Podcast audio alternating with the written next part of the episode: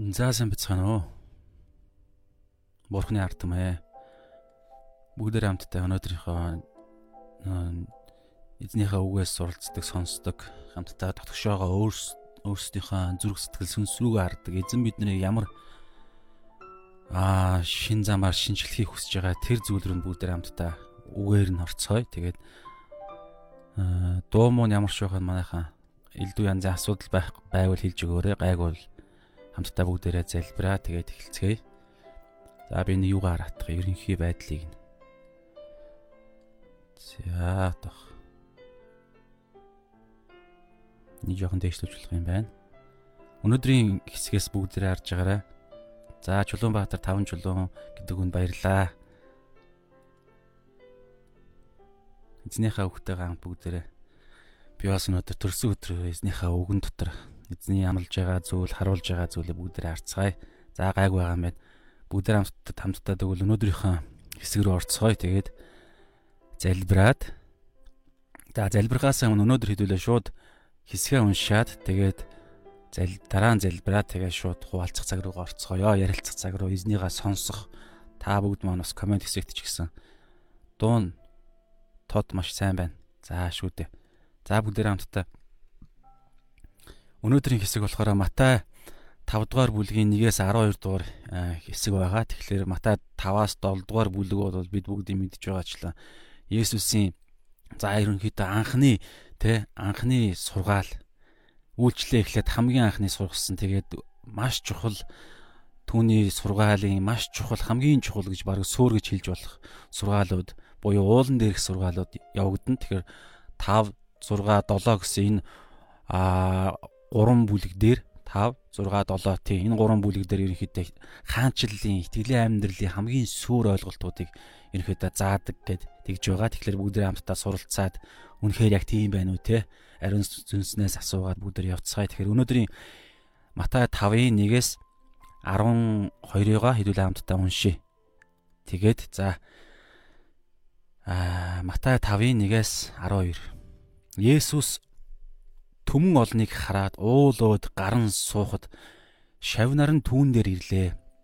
Тэр аамнэн тэдэнд сургамжилж хэлэхдээ сүнсэндээ ядуус өрөөлтэйе. Тэнгэрийн хаанчлал тэднийх юм. Гашуудагсад өрөөлтэйе. Тэд тайвшрал авах болно. Дүлгөөн чүүл өрөөлтэйе. Тэд дэлхийг өвлөх болно. Зөвхт байдлын төлөө өлсөж цангагсад өрөөлтэйе. Тэд затгагдах болно.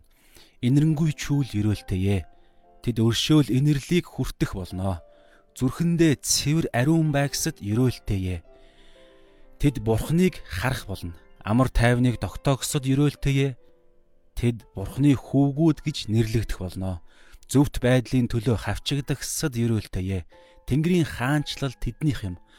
Надаас болж та нарыг хүмүүс доромжилж хавчиж та нарын эсрэг зүсэн бүрийн ёрын ёрын юм худлаар ярихад та нар ерөөлтэйе Тэнгэр дэх шагнал чинь агуу учир баярлцгаа мөн хөөрөн баясцгаа. Учир нь та нараас өмнө байсан иш үзүүлэгчдийг ч тэд ийхүү хавчсан юм аа. Амен. Хамтдаа залбираад өнөөдрийнхэн цагийг эхэлцгээе. Эзнийхээ үгийг сонсцгоё. Эзэн дотор сүнсээ барьж байгуулъя. Эзэн рүү хандцгаая. Хаанчлалын хаан болсон бидний амьд бурхан бидний эзэн минь хаан минь Есүс эзэн минь энэ цаг мөчид би тань руугаа хандаж байна.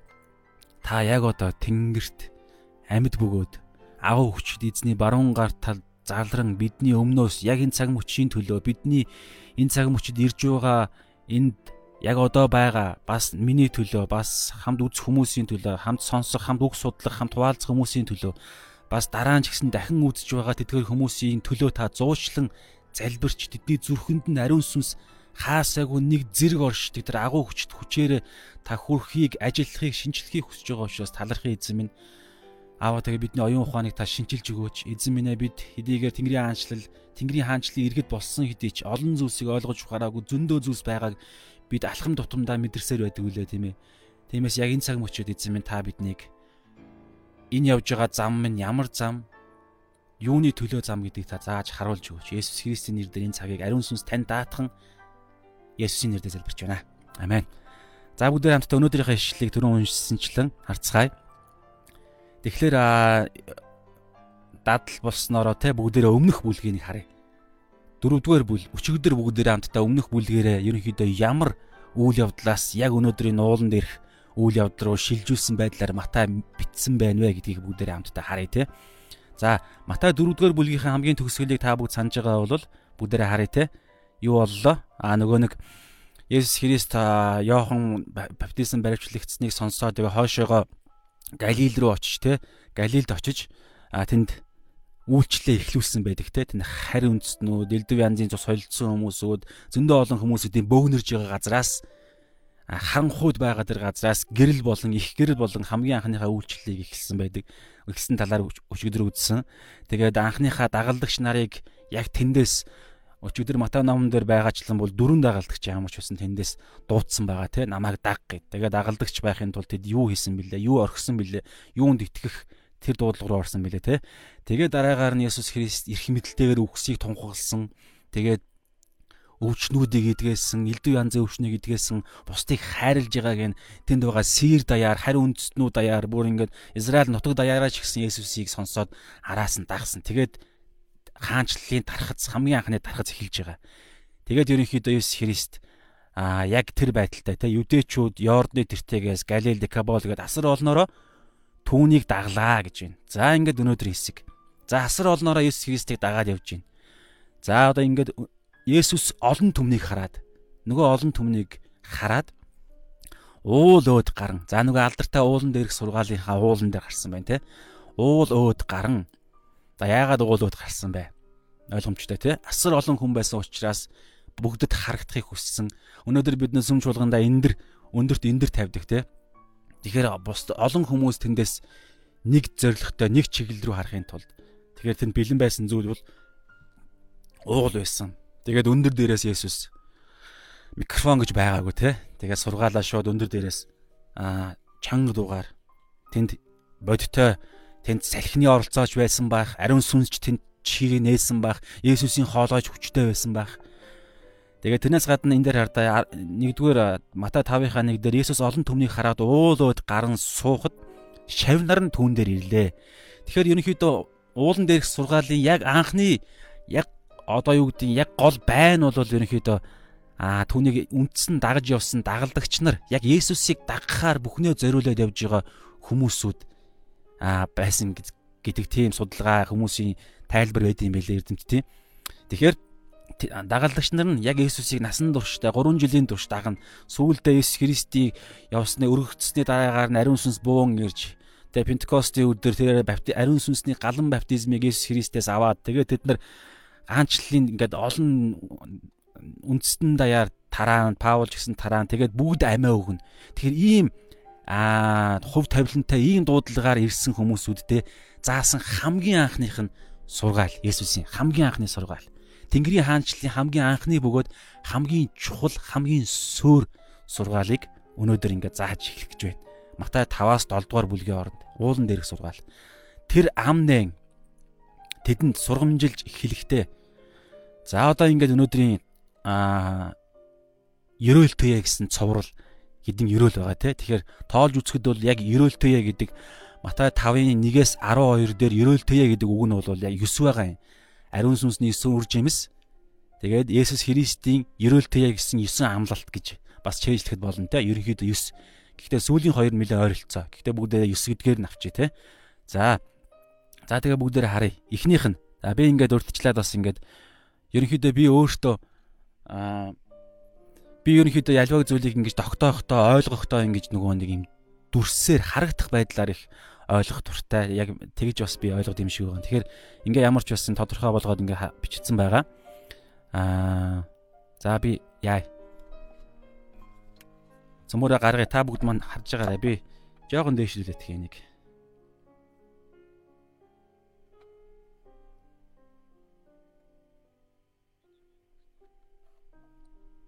За аа дээшлүүлээд ингэхээр яаж юм. Нэг За нэг иймэрхүү байдлаар яваад үзтгүү. За. За бүгдээр хамтдаа Есүсийн тэгээ энэ хараа 9 одоо ерөөлтэй гэсэн 9 амлалт хоорондоо ингэж маш аа бие биенээсээ хамааралтай уялдаатайгаар явсан ерөөлөд байгаа юм л да. Ерөөлүүд, амлалтууд тэгээд бас нэг талаараа бидний хандлага гэсэн үг. Итгэгч хүн хүний хандлага За болох юм байна те. Итгэгч хүний хандлага аа итгэгч хүн хаанчлалын ард иргэдийнх нь хаанчлалын ард иргэдийн зүрх сэтгэл нь ямар байх тал байх ёстой талаар ингээд 9 одоо душаал гэж хэлж болно, амлалт гэж хэлж болно. Бидний 9 аа төлөв байдал гэж хэлж болно. За бүгдээр эхнээс нь харъя. За аа нэгдүгээр ерөөлтэй буюу 3 дугаар ишлэг бүгдээр уншия те. Сүнсэндээ ядуус ерөөлтэйе. Сүнсэндээ гэдэг үг байна. Сүнсэндээ ядуус гэдэг үг байна. Тэгээд ерөөлтэйе. Тэнгэрийн хаанчлал тэднийх юм. За тэгэхээр хараа нэг зүйлийг наана гэж хэлчихье.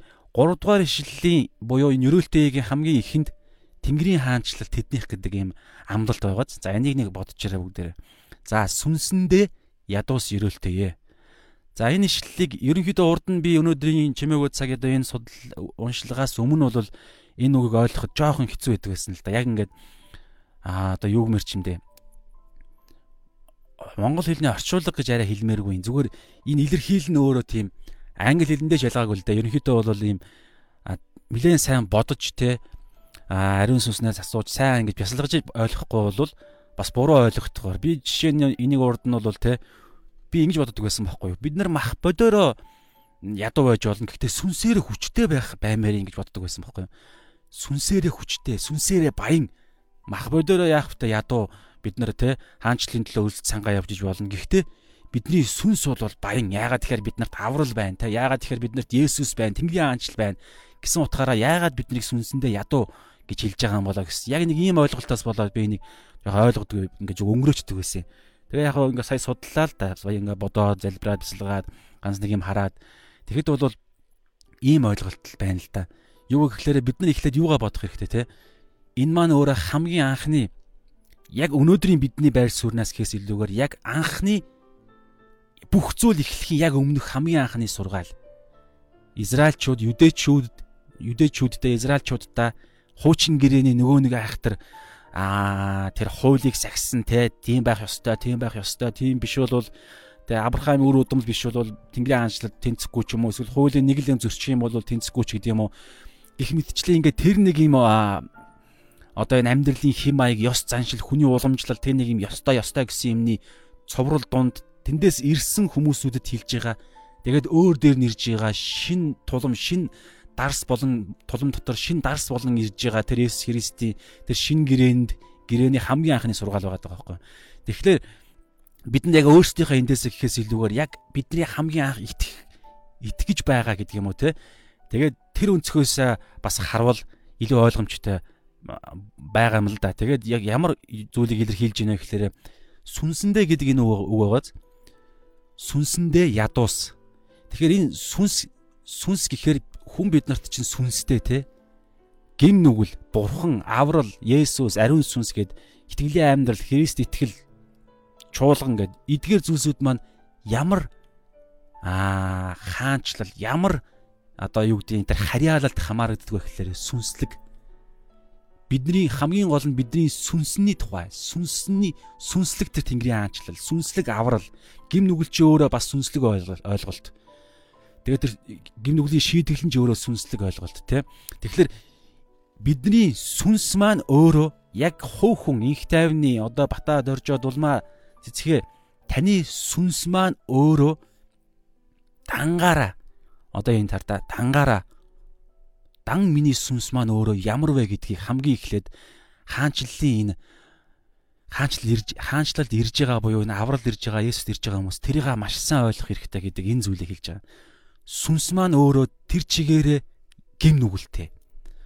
Дангаараа бидний сүнс дангаараа бурхан дээр очих ямар ч боломж байхгүй. Тэгээд ядуу буюу биднэрт юу ч байхгүй. Энэ ядуу гэдэг ойлголтыг бас хэд хэдэн байдлаар илэрхийлдэг.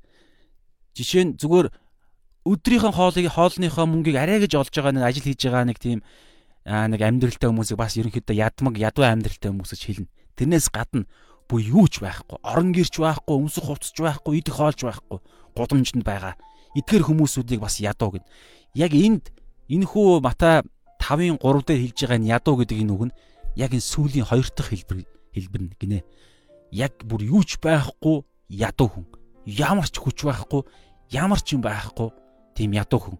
Тэгэхээр бидний сүнс хаанчлалын хамгийн анхны бидний төлөв байдал ямар байх ёстой вэ гэхээр ямар байдалтай бид нар хаанчлал руу орох?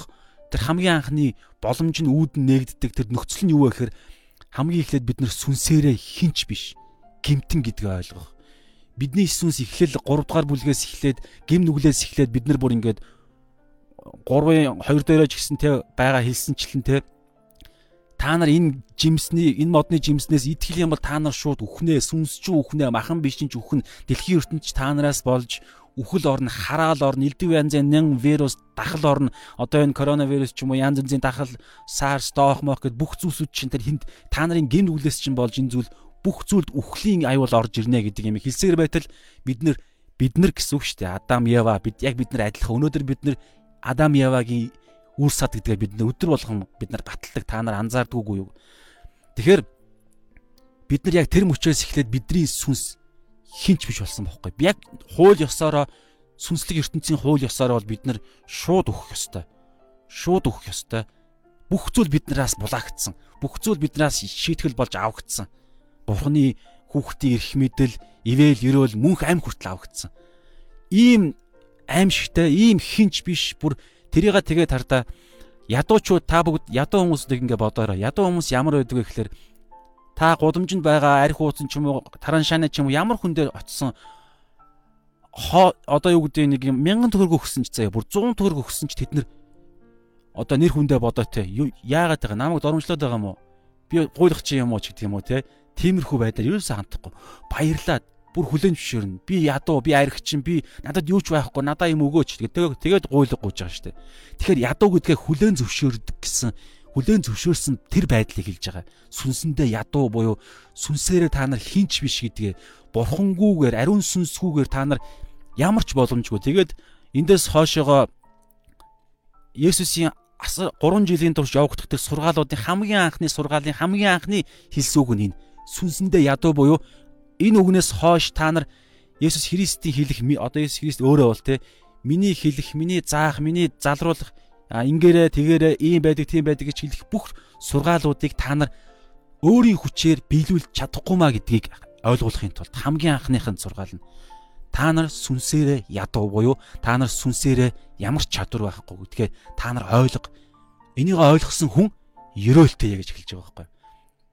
Тэгээд юу чинь Тэнгэрийн хаанчлал буюу нөгөө бүх зүйл чинь одоо араас ирэх тэр асар олон илчилт ойлголт ивэл ирүүл идэгрэл ялалт чөлөөлөлт бүх зүйлс чинь энийг л ойлгосон цагт буюу өөрийгөө хинч биш гэдгээ надад юу ч байхгүй гэдгээ.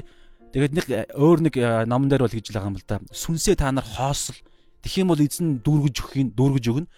Эзнэр дүүр ариун сүнсээр дүүргэхийн тулд сүнсээ хоол гэсэн санаа хэлж байгаа юм л да гэхдээ энийг болохоор би ямар утгаар ямар илэрхийлэлээр ингэж ойлгож байгаа гэхээр сүнсээ хоосол биш. Сүнс чинь угаасаа хоосон гэдгээ ойлгож ухаарад нөгөө ядуу хүмүүс шиг би ядуугээд хүлээн зөвшөөр. Тэгээд аврал хэрэгтэй. Би үнэхээр хинч биш юм байна гэд.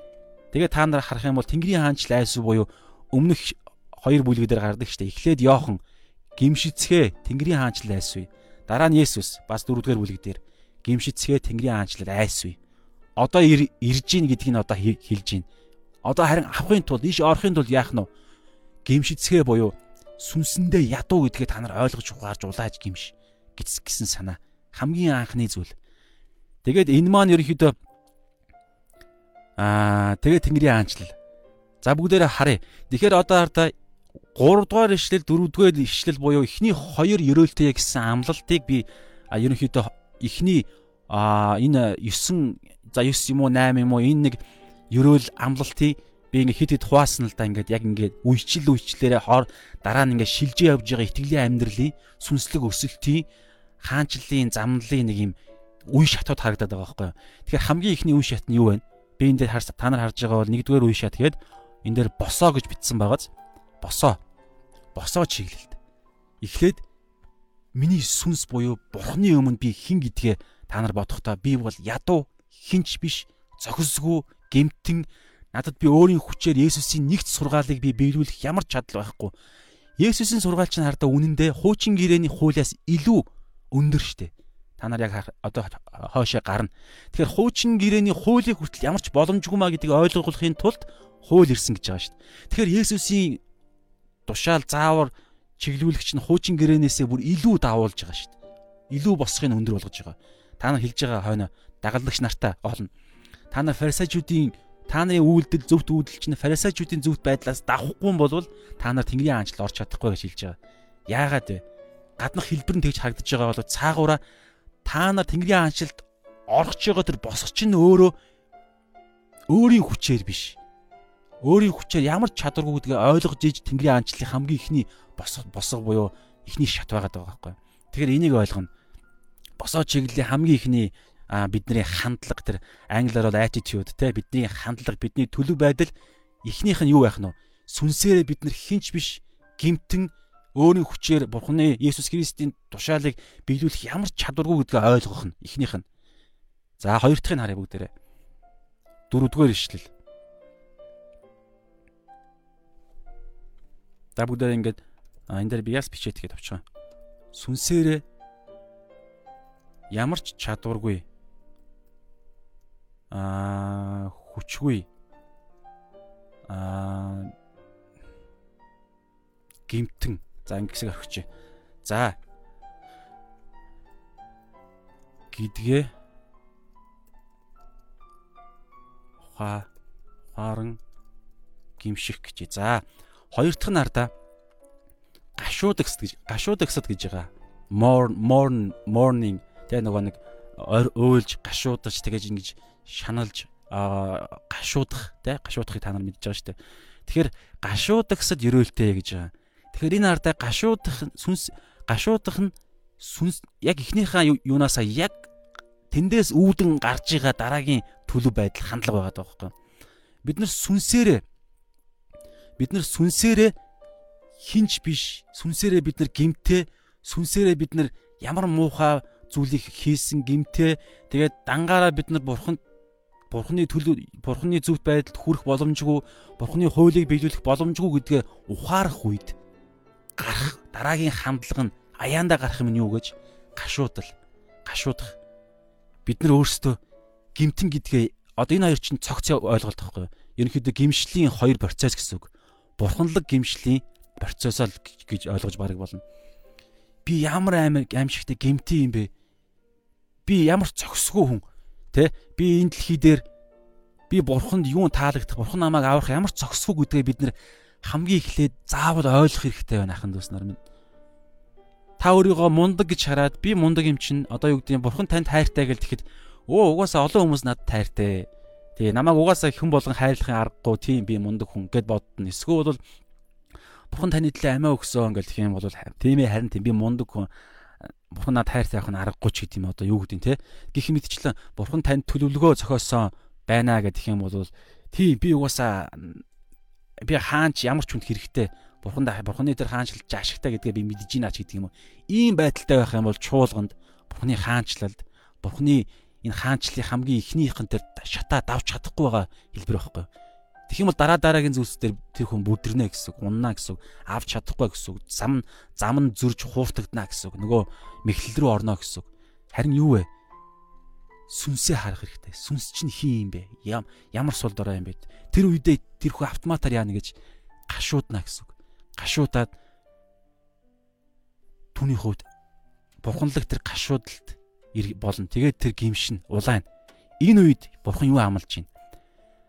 тайвшруулагдах болно. Тэгээд хардаад би энэ ингээд тайвшруулагдах гэдгийг нь би доогрон зурсан байгааз энэ нь болохоор итгэхгүй хил зүүн хэллэгээр бол итгэхгүй хэлбэр байхгүй юу? Passive voice гэдэг баха. Бусдаар үйлдүүлэгдэх хив. Бусдаар үйлдэгдэх үйлдүүлэгдэх хив. Тайвшрах болно гэж хэлээг байгааз гашуудж байгаа тэр хүн өөрөө тайвшрах болно гэж хэлээгүү. Тэр хүнийг нэг юм тайвшруулна тэр хүний хувьд бол тайвшруулагдах буюу тэр хүнийг өөр нэг зүйл тайвшруулна гэдэг энэ англи хэл дээрээ бас яг ийм байдлаар бичсэн. Дөрөвдүгээр ишлэгийг харал да бүгдээрээ.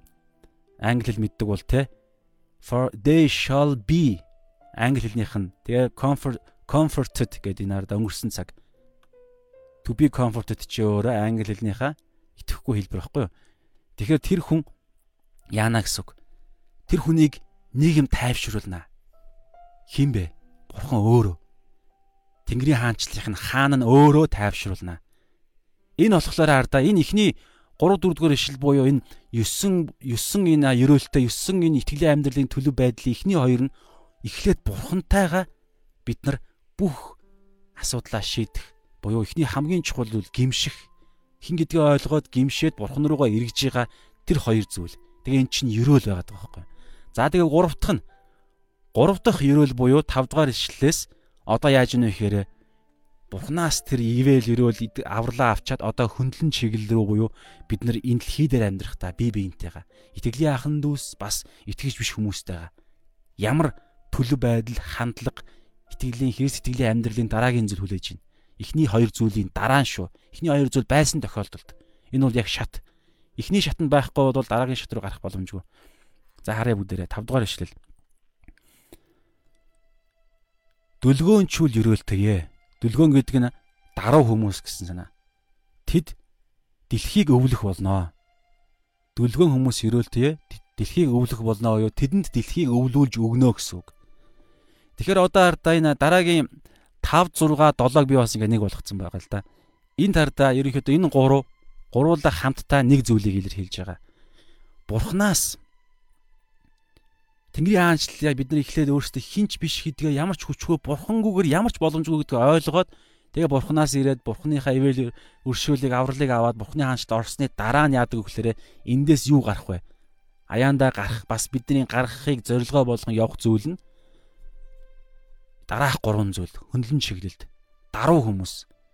Даруй гэдэг нь юу вэ? За мэдээж бурхны даруй, бурхны өмнө даруй гэдэг юм яригдана. Гэхдээ энэ тардаа дэлхийг өвлөн гэж байгааз Тэгээд даруй хүмүүс гэж ямар бурхны өмнө угаасаа бид нэ түрүү ихнийхээ 1 2 дээрээ бүр хинт биш гэдгийг ойлгоод дарууссан шүү дээ. Одоо энд яаж ийнэ гэхээр бид нар бусдын өмнө. За одоо эндээс чи асуудал гарч иж эхэлнэ. Бусдын өмнө. Яг эндээс эхний хоёрыг давж чадсан итгэгч нар гурав дахь руугаа ороогүй итгэгч нар их байгаа. Та бүгд анзаараарай, бодоорой. Магадгүй бид нар өөрсдөө юм биш үз. Бодоорой. Энэ юу гэсэн үг вэ? Бурхан биднэрт эхнийхээ тэр хоёр алхам буюу те сүнсээрээ бид нар хинч биш гэдгээ ойлгоод хинч биш гэдгээ ойлгоод тэгээд Бурханы өмнө улаан гимээ улаан гашуудж гимшээд Бурхан дээр очих үед Бурхан бид нарыг Тэнгэрийн хаанчл буюу тэр авралыг амлаад Бурханы хүүхдүүд болгоод тэгээ дээр нэмээ тайвшруул буюу тэр гайхалтай гим нүглийг нь бүгдийг нь аваад одоо чи бол ариун одоо чи бол зөвхт болсон. Одоо чи бол бурхны хүүхэд Тэнгэрийн хаан Есүс Христтэй хамт бурхны өв залгамжлагч нар болсон гэж хэлэхт хэлээд тэндээс эхлээд ивэл ирэл орж ирээд бид нар ингээд аа ингээд хөгжин дээс дээшлэн дэвших амьдрал руугаа эхлэх үедээ бид нар гурав дахь зүйл хүлээж байгаа гэдгийг бид нар бодох хэрэгтэй санах хэрэгтэй. Энэ юу вэ бусдын өмнө бусад хүмүүс бусдын өмнө бид нар даруй байх за энэ юу гэсэн үг вэ гэхээр би ганцаараа биш байхгүй юу би ганцаараа энэ ивэл өрөөл нэгүсцийг авсан нэг юм биш. Хажууд байгаа хүн ч гэсэн авсан. Би ганцаараа ингэж эхнийхээ шатыг давсан буюу сүнсэндээ ядуу гэдгээ сүнсэндээ сул дорой хинч биш бурхны хүчгүйгээр ямар ч хүч чадал байхгүй гэдгийг ойлгосон хүн чинь би ганцаараа биш. Бусад хүмүүс бас тэрийг ойлгоо явж байгаа. Тэгээд эндээс тайтгарал тэнгэрийн хаанчлыг өвлж аваад тайвшруулагдсан би бас ганцаараа биш. Бусад хүмүүс ч гэсэн адилхан. Ахан дүүс дотроо ярихад. Тийм учраас бид нар яах вэ гэхээр бусдыгаа би бусад хүмүүсийн дээр би бус хүмүүсээс илүү юм шиг харж яасан ч болохгүй гэсэн санаа. Тэндээс чинь Тэнгэрийн хаанчлалын төлөв байдал нөгөө ерөөлөөс чинь бид нар холдохгүйгүй юу гэдэг юм шаардлагатай. Одоо бид нар дүлгөөн даруй хүмүүс ерөөлтэй гэж байгааз. Тэгэхээр бид нар энэ ерөөлийг чи үргэлжлэл нь юу гэхээр бид нар даруй буюу бусад хүмүүсийг өөртөөгөө тэнцүү харах. Бусад хүмүүсийг өөрөөсөө бүр дээгүрч харах. Үнэхээр дээгүр байгаа бол дээгүр харах. Бид нар бүгдээрээ адилхан гэдэг ийм сэтгэл ийм даруй байдал биднэрт хэрэгтэй. За үйл итгэгч нарын хувьд яах юм? Яг адилхан. Би яг тэднэртэй адилхан гимтэн байсан. Би зүгээр л төрүүлээд мэдчихсэн. Төрүүлээд надад нэгүсэл мэдгдсэн. Тэ? Тэд нар тэд нар ч гэсэн бурхны хувьд маш чухал үнцэнтэй. Тэгээ миний хаанчлалын гол зорилго тэднийг аврах штеп. Тэднийг хайрлах чи миний зорилго. Тэдний төлөө Есүс амиа өгсөн. Тийм учраас тэднийг өөрөөсөө би дор гэж харж юусаа болохгүй. Би Тэнгэрийн аанчлах нөгөө нэг Израильчууд хариу үндэстнүүдийг эднэр бол ноход ноход гэж хардаг хиллэг байдаг гэсэн шиг бид нар бол тэгж яасан ч болохгүй. Хэрвээ дихэх юм бол яах нь вэ? Дэлхийг өвлөнө гэдэг нь ойлголт чинь хардаа. Гацал тэрнэ гэсэн үг. Дэлхий гэж энэ дэлхий гэдэг үг чинь болохоор грек хэл дээр угаасаа яг энэ дэлхий. Газар дэлхий. Тэгэхээр дэлхийг ямар хүмүүс өвлөх юм? Дэлхий гэж юу хэлэх юм? Энэ газар бөмбөрцөг энэ бөмбөрцөг энэ дэлхийн энэ шороо ус моддыг хэлэх юм үгүй дээр нь байгаа хүмүүс байхгүй да. Хамгийн гол нь. Тэгэхээр хүмүүсийг өвлөх буюу нөгөө Петр хүмүүсийг загасчин болно гэдэг шиг та нар яаж хүмүүсийг өвлөх юм? Яаж хүмүүсийг та нар өвлөх буюу те бид нар хамааруулж минийх болох буюу миний ахан дүүс болж хамтдаа бурхны хүүгүүд октод болох ханхүү гүнжнэр болох энэ өвлөх өвлөх энэ зүйлийг яаж хийх юм? Дөлгөөн дараа байснараа тэрний үгс үг юм. Яг адилхан байхгүй да. Та Миний өнөөдөр мундаг байх нь хамаагүй. Миний бусдаас одоо үзэж байгаа танаас ч юм уу би нэг зүйлээр илүү байх нь энэ юусоо бидний гол харах фокус юусоо биш. Эсвэл таны пастор чинь пастор эсвэл бол те одоо нэг мундаг од кино од ч юм уу тэр хүн од байх нь хамаагүй. Хамгийн гол нь бид нар сүнслэг зүйлсийг ярьж байгаа. Тэгээд би өнөөдөр хэм байх нь хамаагүй. Би би сүнсээрээ ийм дорой ядуу гэдгээ ойлгосон хүн чинь бүгд бүх хүмүүсийн сүнс адилхан байхгүй. Адилхан төлөв байдалд байгаа. Махан баяраа а илүү та баян аав ээжтэй байгаад ухаантай байгаа та өссөн орчноосоо болоо те ухаантай боловсралтай өссөн байж болно. Сүнс чинь бүгд адилхан. Бүх хүний сүнс адилхан гимтэй. Бүх хүнийх шүү. Итгэгч болоод мундаг хүн болсны дараа ч гэсэн яг адилхан гимтэй. Тэр мундаг зүйл нь хаанаас гараад байгаа юм? Энэ ерөөлтэй энэ 9 ширхэг ерөөлтэй буюу нөгөө нэг бусдаар үйлдүүлэгдэх буюу тэр хүн өөрөө авсан юм шиг байхгүй. Бурхан тэр хүнд өгсөн. Тэр хүн өгөгдсөн, аврагдсан тэр хүн Яаснараа юу ч хийгээгүй штэ. Зүгээр л хинч биш. Би аймаар дорой гэдгээ ойлгож ухаарах үедээ л тэр хүнд бурхан бэлэг болгож өгсөн. Тэгээ төрүүлэл бэлэг болоод авцсан хүмүүс нь биднэрт өнөөдөр зааж сургаж явж байгаа хүмүүс аахгүй? Миний бидний ахлагч пасторууд. Тэгэхээр тэд нар маань өөрсдөө бид нар ч гэсэн ялгаа байхгүй. Гэхдээ даруу гэдэг энэ ойлголт яг бодиттой биднээс ахмад насны биднээс зааж байгаа багшаа хүндлэх энэ зүйлс явж байгаа шүү. Би цаана байгаа сүнслэг зүйлсийн ерөнхийд яриад байгаа. Тэгэхээр энийг ойлгосон хүн дэлхийг өвлөнө гэж байгаа. Тэгэхээр ихэвчлэн төрүүлж энэ хаанчл руу орсон хүмүүс нь энийг ойлгох дуудлага байгаа гэсэн. Төрүүлж бид нар бор хоолнд орсон. Төрүүлж а нүх рүү унаад гарч ирээд нүх байгааг харцсан хүн өөрөө биднэрт ард байгаа дараагийн хүмүүсээ нүхэнд унгаахгүй тулд тэдний зүрхэнд хүч тэднийг өвлөхийн тулд бид нар юу хэрэгтэй вэ гэхээр даруй байдал буюу яг адилхан. Унаад тэр хүн магадгүй унан тэнгуут нь шоолох шүүх биш. Би адилхан унсан шүү дээ. Тийм учраас адилхан гэдгээ ойлгож даруй байдлаасаа байдалтай байна гэсэн. Эний үр дүнд юу болох вэ гэхээр бид нар дэлхийг өвлөнө гэсэн. Итгэвч хүмүүс юу? Үл итгэвчтэй өмд яах юм? Ялгаа байхгүй. Ямар ч шашинтай байж болно, ямар ч гаж урсгалын байж болно. Хүн бол амьд байгаа хүн л бол нөгөө кинонд гардаг зомби биш бол. Тэр хүн амьд л байгаа бол гаж урсгалын хүн ч вэ? Тэр хүнийг аврах бурхны зориг байгаа. Гэхдээ гим дактаа шиг гимгүй, могоо шиг мэрэгүү ухаантай шүү. Тийм учраас бид нар маш сэрэмжтэй байхгүй бол тэдгээр хүмүүсүүдийг цаана утсан хүүхэлтэйгээр хэн удирдах байгаа вэ? Бидний мөнхийн дайс удирдах байгаа. Тийм учраас бид нар хүнээ аврах гээд өөрсдөө тэр цаана байгаа хүчинд нь орж болохгүй гэсэн. Тэгэхээр хараа энэ иймэрхүү юм дээр хүртэл бид нар өөрсдийн хүчийг чадахгүй байхгүй. Энийг юу ойлгуулд юм бэ? Ойлгуулсан юм бэ гэхээр хамгийн ихнийх нь сүнсэндээ ядуу буюу сүнсээрээ би дангаараа миний сүнс дангаараа сүнслэг энэ зүйлийг юу ч хийж чадахгүй, сүнслэг зүйлийг би юу ч ойлгож чадахгүй хамгийн ойлгомжтой нэг ишлэл нэг сургаалагч бид нар ойлгож чадахгүй. Яагаад гэж та бид нар оюун ухаанаар ойлгож болно. Гэхдээ эндээ хэрэгжүүлэхэд чинь ойлголт мэдлэг биш дараагийн зүйл хэрэгтэй. Тэгэхээр Израильчууд еврейчүүд юу хэлдэг вэ гэхээр мэднэ гэдэг энэ үг чинь өөрөө тэр зүйлээ мэдэж мэдж байгаа гэж хэлж байгаа зүйлээ амьдрал дээрээ яг хийдэг нь батлагдах үед тэд нар өөрсдөө энийг а энэ хүн энийгээ мэддэг гэж хэлдэг. Яг тэдний уламжилт нь одоо ч гэсэн тийм байдаг гинэ. Израильчуудад очиж гэрийн үйлчлэлээр үйлчилж исэн, үйлчлэлт хийж тэнд үйлчлэнгээ орлогоо авч исэн, орлого олж исэн итгэгч ахын дүүсний гэрчлэлээс би сонсч исэн. Одоо ч тийм. Нөгөө юдэ шашинтай христч биш хүмүүс дунд ч гэсэн тийм байдал байгаа. Үндснийх нь тийм юу нь болцсон. Тэгэхээр бид нар даруй байна гэдэг чинь дараагийн зүйл. Одоо энэ хөндлөн чиглэлийн эхнийх нь юм ярьж байгааз. За хоёр дахь буюу 6 дугаар ишлэлээр байгаа дөрөв дөх ерөөл төё дөрөв дөх бидний төлөв байдал хандлага юу вэ? Зөвхт байдлын төлөө өлсөж сангагсад өрөөлтөе. 6 дугаар ишлэг харъя бүгдээрээ. Зүгт байдлын төлөө өлсөж сангагсад өрөөлтөе. Blessed are those who hunger and thirst for righteousness те. For they shall be filled дүүргэх болно. Юунд дүүргэх тийм? Өсөж байгаа, цангаж байгаа зүйл нь. За одоо энэ юу руу орж байна? Өсөж цангахын нэг хүний энэ хэрэгцээ чинь мах бодийн хэрэгцээ байж болно, сэтгэлийн хэрэгцээ байж болно, сүнслэг хэрэгцээ байж болно. Альж тал дээрээ. Альж тал дээрээ эзний хамлалт явж байгаа.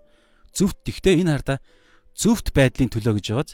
За одоо бид нар саяны даруу дүлгөөн байдалтай бид нар дүлгөөн даруу байдлаараа бид нар ингээд хин ямар зоригтой бид нар өөрсдийн хүчээр биш бид нар мундагтай биш яг адилхан энэ даруу байдал дундаа адилхан гэдэг энэ нөхцөл байдал дээр бид нар бусдыгаа ойлгож бусдыгаа үн цэнийг бий болгоод те бусдыгаа урамшуулад ингэж явж байгаа энэ энэ дунд хардаа а эн чинь өөрөө ерөнхийдөө бид нар зөвхт байдлыг хэрэгжүүлж явж байгаа байхгүй яг ингэж зөвхт байдал чинь энэ даруу хайр дотор.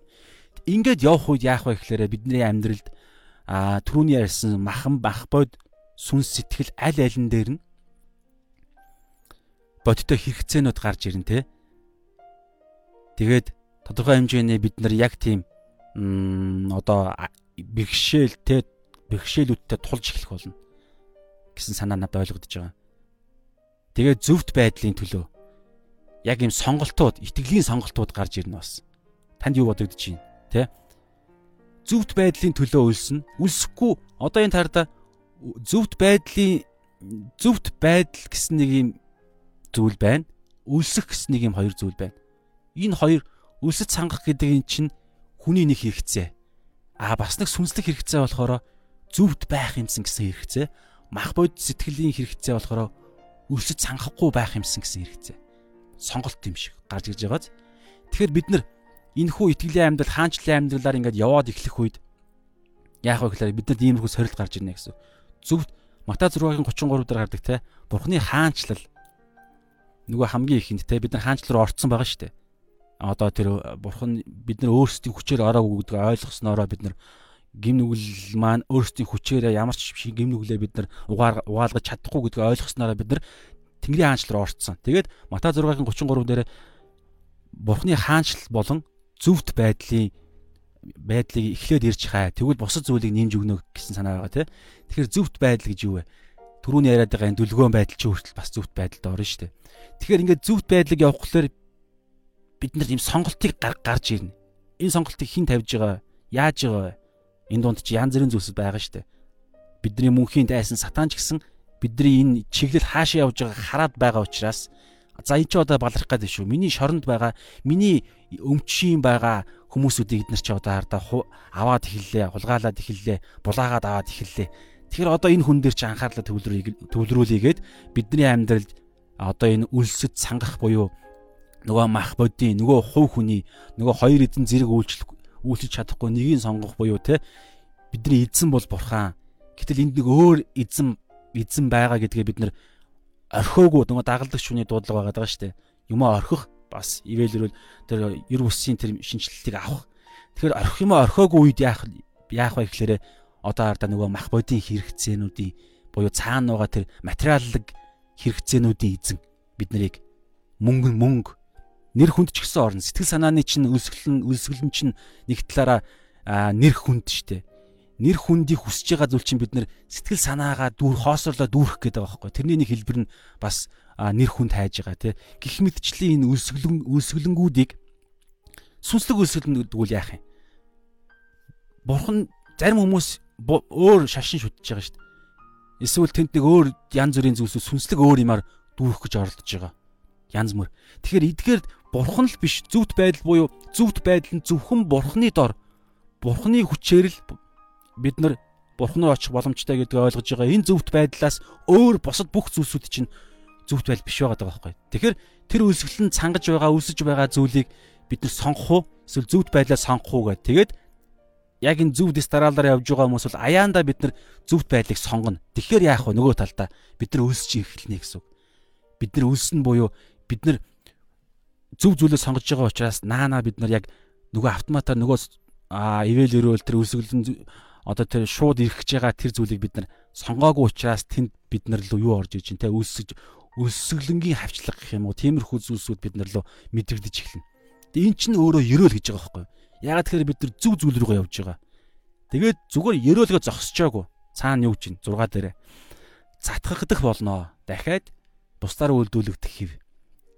Бид нар өөрсдөө цаднаа, бид нар өөрсдөө те зүвт байдал руу явж байхдаа өөрөө өөрсдөө бид нар энэ зүвт байдал руу явж байгаа нь үйлчлэл энэ зүйлээрээ бид нар хоолоогоо иднэхээс илүүгээр эзэн дахиад биднэрт хангаж өгнө гэсэн үг. Дандаа бид нар эргээд хаанаас их усүртэй энэ зүйл чи хаанаад хаанаас ирээд байгаагаа үргэлж ойлгоно. Яг л хамгийн анхны ерөөл сүнсээрээ буюу ядуу буюу бид нар дангаараа сүнсмэн дангаараа бурхны ариун сүнсгүүгээр бид нар ямар ч боломжгүй хоолоо идэх энэ өлсөж сангаж байгаа хэрэгцээгээ хангах энэ затгагдах боломж байхгүй гэдгээ ойлгосон үед эзэн биднэрт затгуулж өгнө. Эзэн биднэрт хоолно. Тэгээ бид нар затгагдана буюу эзнэр бид нар цаднаа гэсэн үг. Цатгагдана гэсэн үг. За ингээд энэ болохоор нөгөө хүмүүсийн хүмүүсийн хоорондын харилцаж байгаа те энэ харилцаанд донд бий болж байгаа а хоёр дахь нь гурав дахь ерөөл нь юу гэхээр өршөөл инэрл бүгдээрээ 7 дугаар хишлэх харъя те Инэрэнгүйчүүл өрөөлтэй тэд өршөөл инэрлийг хүртэх болноо. Инэрэнгүйчүүл. Инэрэнгүйчүүл гэж юу юм? Бид нар хаартаа бид нар бол бурхад биш шүү дээ, тий? Бид нар хин нэгнийг өршөөдөг нэг юм биш. Гэхдээ энэ дээр хаартаа өршөөдөг инэрдэг нэг юм өрөөлтэй гэж байгааз. Тэгэхээр энэ ямар төвшөнд ярьж байна? Босоо биш хөндлөн гэсэн. Бид нар бурхнаас өршөөл инэрлийг буюу одоо энэ хамгийн ихнийхээ энэ дээрээ сүнсээр ядуу гэдгийг ойлгоо Тэнгэрийн хаанчлалтаа бид нар ороод сүнсээрээ хинч биштэй бурхны хүчгүүгээр а сүнсээрээ бид нараа зөвтгөх боломжгүй гэдгийг ойлгох үе Тэнгэрийн хаанчлал бид нар орно. Тэгээд бид гашуудж гимшсэн одоо энэ нэг энэ үедээ бид нар тайвшир тайвшруулагдаж аврагдаж бурхнаас өв залгамжлаа аавн тэ. Тэгээд тэгснээрээ бид нар энэ ерөөлийн тайв Тэнгэрийн хаанчлал дотор чинь одоо энэ өршөөл нь явж байгаа. Тайвшруулагдж байгаа энэ өв залгамжлал, тайвшруулал, энэ амлалт, энэ гоё ерөөл, сүнслэг ерөөлүүд дотор чинь бид нар өөрсдөө өршөөгдсөн байхгүй юу? Тэгэхээр бид нар өршөөгдсөн учраас одоо дээрээс авсан ивэл өрөөлөөрөө бид нар бусдаа өгөн буюу бусдыг инэрнэ. Тэгэхээр одоо энэ нөгөө нэг энэ хөндлөн чиглэлийн бидний хандлага энэ амьдрал дээр ямар амьдрал хандлагатай байх вэ бас ямар бидний итгэлийн амьдралын шатууд хүлээж ямар төлөв байдал дуудлага байна вэ гэдгийг ярьж байгаа шүү дээ. Тэгэхээр энэ тав дахь ерөөлтөөе буюу 7 дугаар ишлэлээр гарч байгаа өршөөж инэрдэг хүмүүс бусдыг шүү.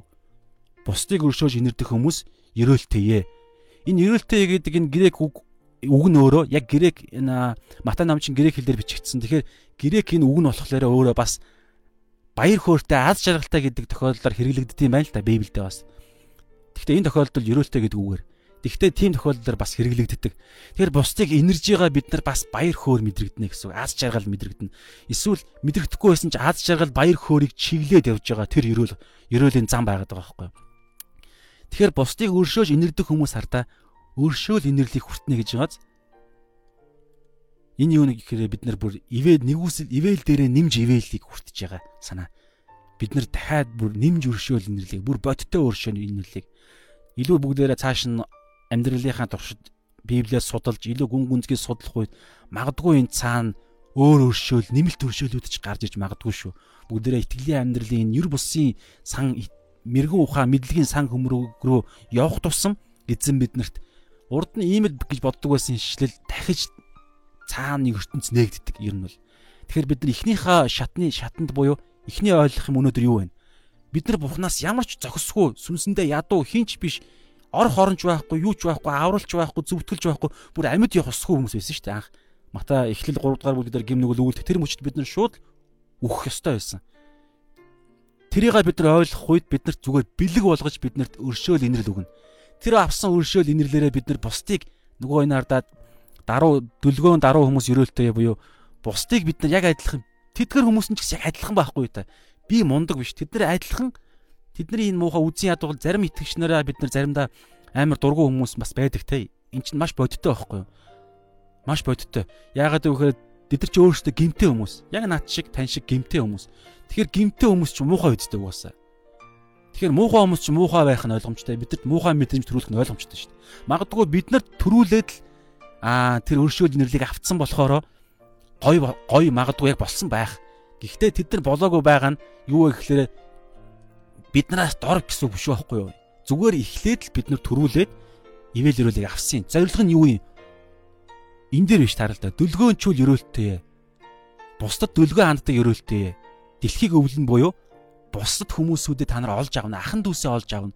Тэднийг араасаа дагуулна л гэсэн санаа. Ийм л зоригтой. Бид нар мундагтай биш ээ. Есүсийн сургаалын хамгийн анхны сургаал юу байгаа вэ? Сүнсэндээ ядуу шүү. Тэгэхээр сүнсэн сүнсээрээ хийж байгаа бүх зүйл чинь чамаар хийгдээгүй. Бид тэгээд өгөгдөх буюу Тэнгэрийн хаанчлыг би та чанарт өгсөө. Тайвшруулагдах буюу энэ бусдаар үйлдвэрлэгдэх энэ хэв буюу тайвширж байгаа чинь Тэнгэрийн хаанчлыг авж байгаа чинь дэлхийг өвлж байгаа чинь цатгагдж байгаа чинь өршөөл инэрлийг авж байгаа чинь чи өөрөөсөө бишээ. Ингиж битгий бодоо. Ингиж бодож эхлэх юм бол бид нар замаасаа гажиж байгаа байхгүй. Тэгэхээр а бид нар өршөөл инэрлийг бид нар хамгийн анхны ойлголт бид нар одоо мэдэх ёстой зүйл бол те авсан өршөөл ивэлээ бидэд бусад үүрэгтэй дуудлагатай. Бусдыг та өршөөмөргүй байвал тэнд юу болж үг вэ? Та тэр нэг бухнаас авсан өршөөл ивэлээ та алтхаас хамгаалаад байна байгаа юм биш биш үү? Эн чинь өөрөө бурхных байхгүй да минийх биш. Би тэр хүнийг өршөөж байгаа нэг юм би бурхан биш шүү дээ. Би зүгээр дамжуулах үүрэгтэй. Би яаж өршөөгдсөн? Тэр хүнийг ч гэсэн өршөөх ёстой. Тэгэхгүй бол яг бол Мата номонд гаргадаг шиг 100000 динарын өртөө өрийг нь эднийг эзэн эзэн цайруулад тэгээ баярлаад гарч явхдаа 100хан динарын өртөө үнийг нөгөө нэг өрөө цайруулсан боолч нь яадаг үлээ шүү дээ. Тэрийг нь мэдээд бусад найз нар нь эзэнд хэлсэн чи эзэн эренгүүтээ чи яаж байгаа юм би 100000 өрийг чи өршөөгöd өршөөгöd тахад чи 100хан өртөө үнийг чи өршөөж болсонгүй юу гэд түүнийг шоронд хориод өрөө төлөлтөнд түүнийг шоронд хордог. Энэ юу вэ? Эзэн шудраг гэсэн санаа. Тэгээд энэ өршөөл гэдэг юм чи өөрөө тийм зоригтой байхгүй юу? Өршөөлийг авсан бол бусдыг өршөөх хэрэгтэй. Гэхдээ би асар их өршөөл авсан гэдгийг ойлгосон цагт байхгүй юу? Тэр 100000 гэдэг тоогоо би ойлгосон цагт л 100 100 100 өршөөл 100 гим нүгэлч гэдэг юм уу 100 динарын тэр надад өртөө үнийг би өршөөж чадна гэсэн үг. Ягаад тэгэхээр өршөөлгүй явах надад зөндөө мөнгө байгаа ч гэдэг юм уу те. Надад 100000 доллар байна. Тэгэхээр 100 доллар өгөлгүй явах гэж байгаа юм шиг нэг иймэрхүү харьцаа явагдаад байгаа байхгүй. Тэгэхээр эхнийхээ хинч биш гэдгээ ойлгох нь маш чухал байгаа тань. Тэнгэрийн аанчлалын сургаал одоо хойш явах бүх сургаалын хамгийн анхных нь сүнсээрээ бид нар ямар ч ядуу тэгээд ирж байгаа энэ тэнгэрийн хаанчлал чинь асар их хэд хөрөнгө байхгүй. Ийм их хэд хөрөнгийг авчаад жижигхэн энэ өрш бусдыг өршөхний ганц нэг тохиолдол дээр бид нар өршөөхгүй байвал энэ хаанч Тэнгэрийн хаанчл чинь биднэрт нэг бол буцааж авагдана, нэг бол бид нар эднийг юус аваагүй байна гэсэн үг. Бид нар буруу ойлгож явж. За. Тэгээ энэ хөндлөн чиглэлд. Тэгээ одоо ингэ явж байгааз за амжилттай энэ хүртэл амжилттай явж байна. Бид нар бусдыг өршөөлөө, инэрлээ хин гэдгээ бид сүнсээрээ маш зөв ойлголоо. Гимшлээ, гашуудлаа. Энэ бүх зүйл Бурханаас гэдгээ бид нар ойлголоо. Тэгээ бусдыг бид нар бусдын өмнө даруй байж би үнэхээр бусдаас бусдаас дээр биш юм байна. Адилхан юм нэг ойлгоо явж гин зөвхт байдлын төлөө үлсэж цангаа те бид нар зөв сонголтоо хийгээд үүнийхээ үр дүнд бид нар зарим нэг золиосыг идлээд явж гин. Тэгээ эзэн бас хангалаа. Энэ тогтолцоонд донд бид нар ингээд дуршлагжлаа тэгээ явж гин. Тэр үедээ бид нар ингээд явж итэл зарим нэг ах дүүс маань ч юм уу зарим нэг хүмүүс бид нар лөө бид нар бидний эсрэг гим нүгүүлхэж биднийг одоо хохироолоо тэр үед нь би би аимшигтэй бухныг хохироогоод бүр бүр өөхөх ёстой байтал би энэ ганц нэг ганц намаа ганц хоёр хуу удаа энэ намайг гомдоосон ганц нэг хоёр хуу удаа намайг хохироосон үнийг би өршөөх над бүрэн боломжтой. Би 100000 өрт 100000 гим нүглээ би уушлуулсан чинь 100 гим нүглээ уушлахад уушлахад ямар алд юм бэ юм алдах юм. Цаана зөндөө юм байна гэдэг санаа ч юм уу те. Ингээд сайхан явж гин. Одоо энэ тардаа би яг энийг ойлгох нэг юм зүйл надад бодогдсон. Тэрийг та бүгдтэй хуваалцах юм бол 8 дугаар ишлэг харъя. Зүрхэндээ цэвэр ариун байгсад өрөөлтэй гэж байгааз энэ дээр надад ямар зүйл ариун сүнс сануулсан бэ гэхээр зүрхэндээ зүрхэн дотроо цэвэр ямар нэгэн хольц байхгүй. Зүрхэн дотор нь ямар нэгэн мэхлэл ямар нэгэн худал хуурмгийн үр байхгүй хүн ерөөлтэй гэж байгааз тэгэх юм бол тэр хүн яах нь бурхныг харна гэсэн үг. Нэг л худал хуурмаг нэг л бардамнал нэг л хувийн эрх эрх ашигын нэг л жижигхэн юм байх юм бол тэнд бурхан орших боломжгүй байхгүй. Ер нь бол бурхны өөрийнх нь одоо мөн чанар мөн чанар нөгөөсөө тийм. Нэг ч толботой хамт бурхны тэр ариун бурхан өөрөө орших боломжгүй байхгүй юу? Бурхан тийм ариун учраас. Тэгэхээр бурханыг бид нар харах боломжгүй гэсэн санаа тий. Оршсон ч гэсэн бид нар бурханыг харж чадахгүй гэсэн санаа бас байж болно. Яг бид итгэж хүмүүсийн хувьд ер нь тэр нь илүү зөв тайлбар. Тэгээд хараа эндээс хараа юу вэ гэхээр бид нар би бол энэ дээр нэг нэг зогсолт хийх гэсэн над тийм үг бодол орж ирсэн л да. Юу вэ гэхээр бид нар ингээд яг зөв явж байна. Маш зөв явж байна. Маш сайн явж байна. Бусдыг өршөөж инэрж гин. Энэ үедээ бид нар хараа босод зогсож байгаа гэж бодох юм бол та сэрэмжтэй байгаараа та аль хэдийн а бүдрээд эхэлсэн байна гэсэн санаа биевлэрээд их те. Тэгэхээр бүх зүйл сайн сайхан байгаа гараад бид нар зогсолт хийж сурах хэрэгтэй санагдаж байгаа надаа. Зүв явж байгаа Библиэд харахад бүх зүйл зүв байна. Тэгээ энэ үедээ бид нар маш сэрэмжтэй байх хамгийн сэрэмжтэй үе. Хамаг хувцс цав цагаан. Хамгийн арьс марс энэ гоё муу элдв янзын муухай юм тол мол байхгүй. Цав цагаан маш гоё явж гин. Гэхдээ бид нар хаана байгаа вэ? Ямар төлөв байдалд байгаа вэ? Дайн тулааны үед байгаа. Энэ дэлхий дээр сүрч байгаа, унж байгаа энэ дэлхий дээр байгаа. Сатаны хаанчилж байгаа энэ дэлхий дээр байгаа. Итгэвч биш хүмүүсүүдийн үед ярьж байгаа шүү сатаны хаанчлал. Итгэвч хүмүүсийн үед аль хэзээ бид нар хаанчлалаас гарцсан байгаа. Гэхдээ бид нар ийм одоо энэ харьяалалд ийм газар зүүн байршил бид нар байна. Сүнслэг ертөнцийн өвд ч гэсэн мах бодийн өвд ч гэсэн бид нар энэ дэлхий дээр байна. Тэгэхээр тэр цэвэр зүйлээ бид нар хамгаалахын тулд яах вэ гэхээр зүрхээ үргэлж шалгана. Одоо англи дээр юм байгаа байхгүй юу?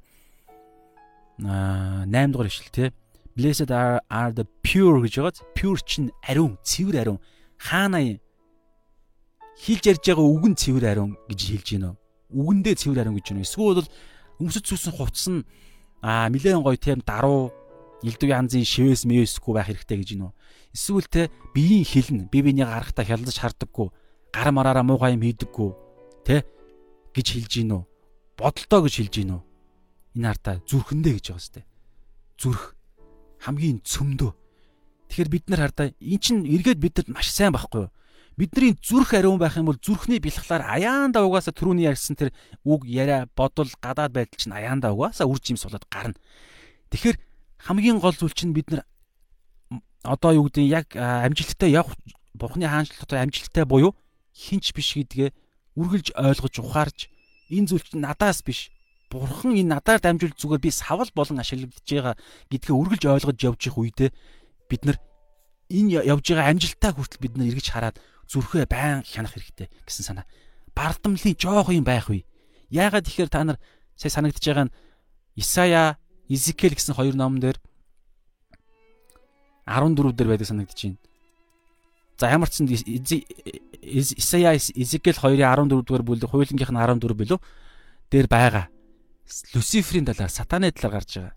Тэрийн хаан Вавилоны хаан хааны талаар Исая Изекэл иш үзүүлэхдээ цаагаараа а сүнслэг ертөнцид тэр цаана байгаа а мэхлэгч тэр сатан буюу Люцифер дараа нь сатан болсон.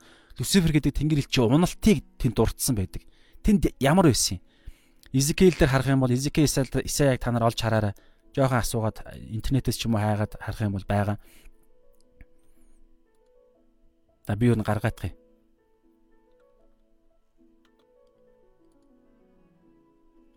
А Изекиэлэр байдаг санагдаж байна. Би зүгээр нэг олох гээд үзье. Тэгээд галс олоод олж чадвал харуулчих нэг нэг хэсэг байгаа л да. Тэрийг л би гаргах гээд байна. За Изекиэл 14-ийг гаргаад үзье. 14 дээр байдаг санагдаад байна. Аа Тирийн хаан, Вавилоны хаан гэсэн санаа байна уу? Та бүгд санаж байгаа бол Люциферийн хэсэг талаар санаж байгаа бол хэлж өгөөрэй манайхаа. Аа 10 28 14 билүү? Тий, тий, тий, тий. За би гаргаах юм. Биш ээ, юу лээ? Ezekiel. Төрүүлж та нар санаж байгаа бол манайхаа хэлж өгвөл талархах шүү. За Ezekiel 28-ыг гаргаах гэдэг. Аа Ezekiel. Аа тий. Тэгрийн ноёны эсрэг өгсөж байгаа. За Ezekiel 28 дээр байна. 14-өөс эхэлж байгаа. За энэ дээр хардаа дахин эзний үг түндэж хүний хүч ингэж явж байгаад чамд мэрэгүү ухаанаар бэлгсэн үзэгсэн төв.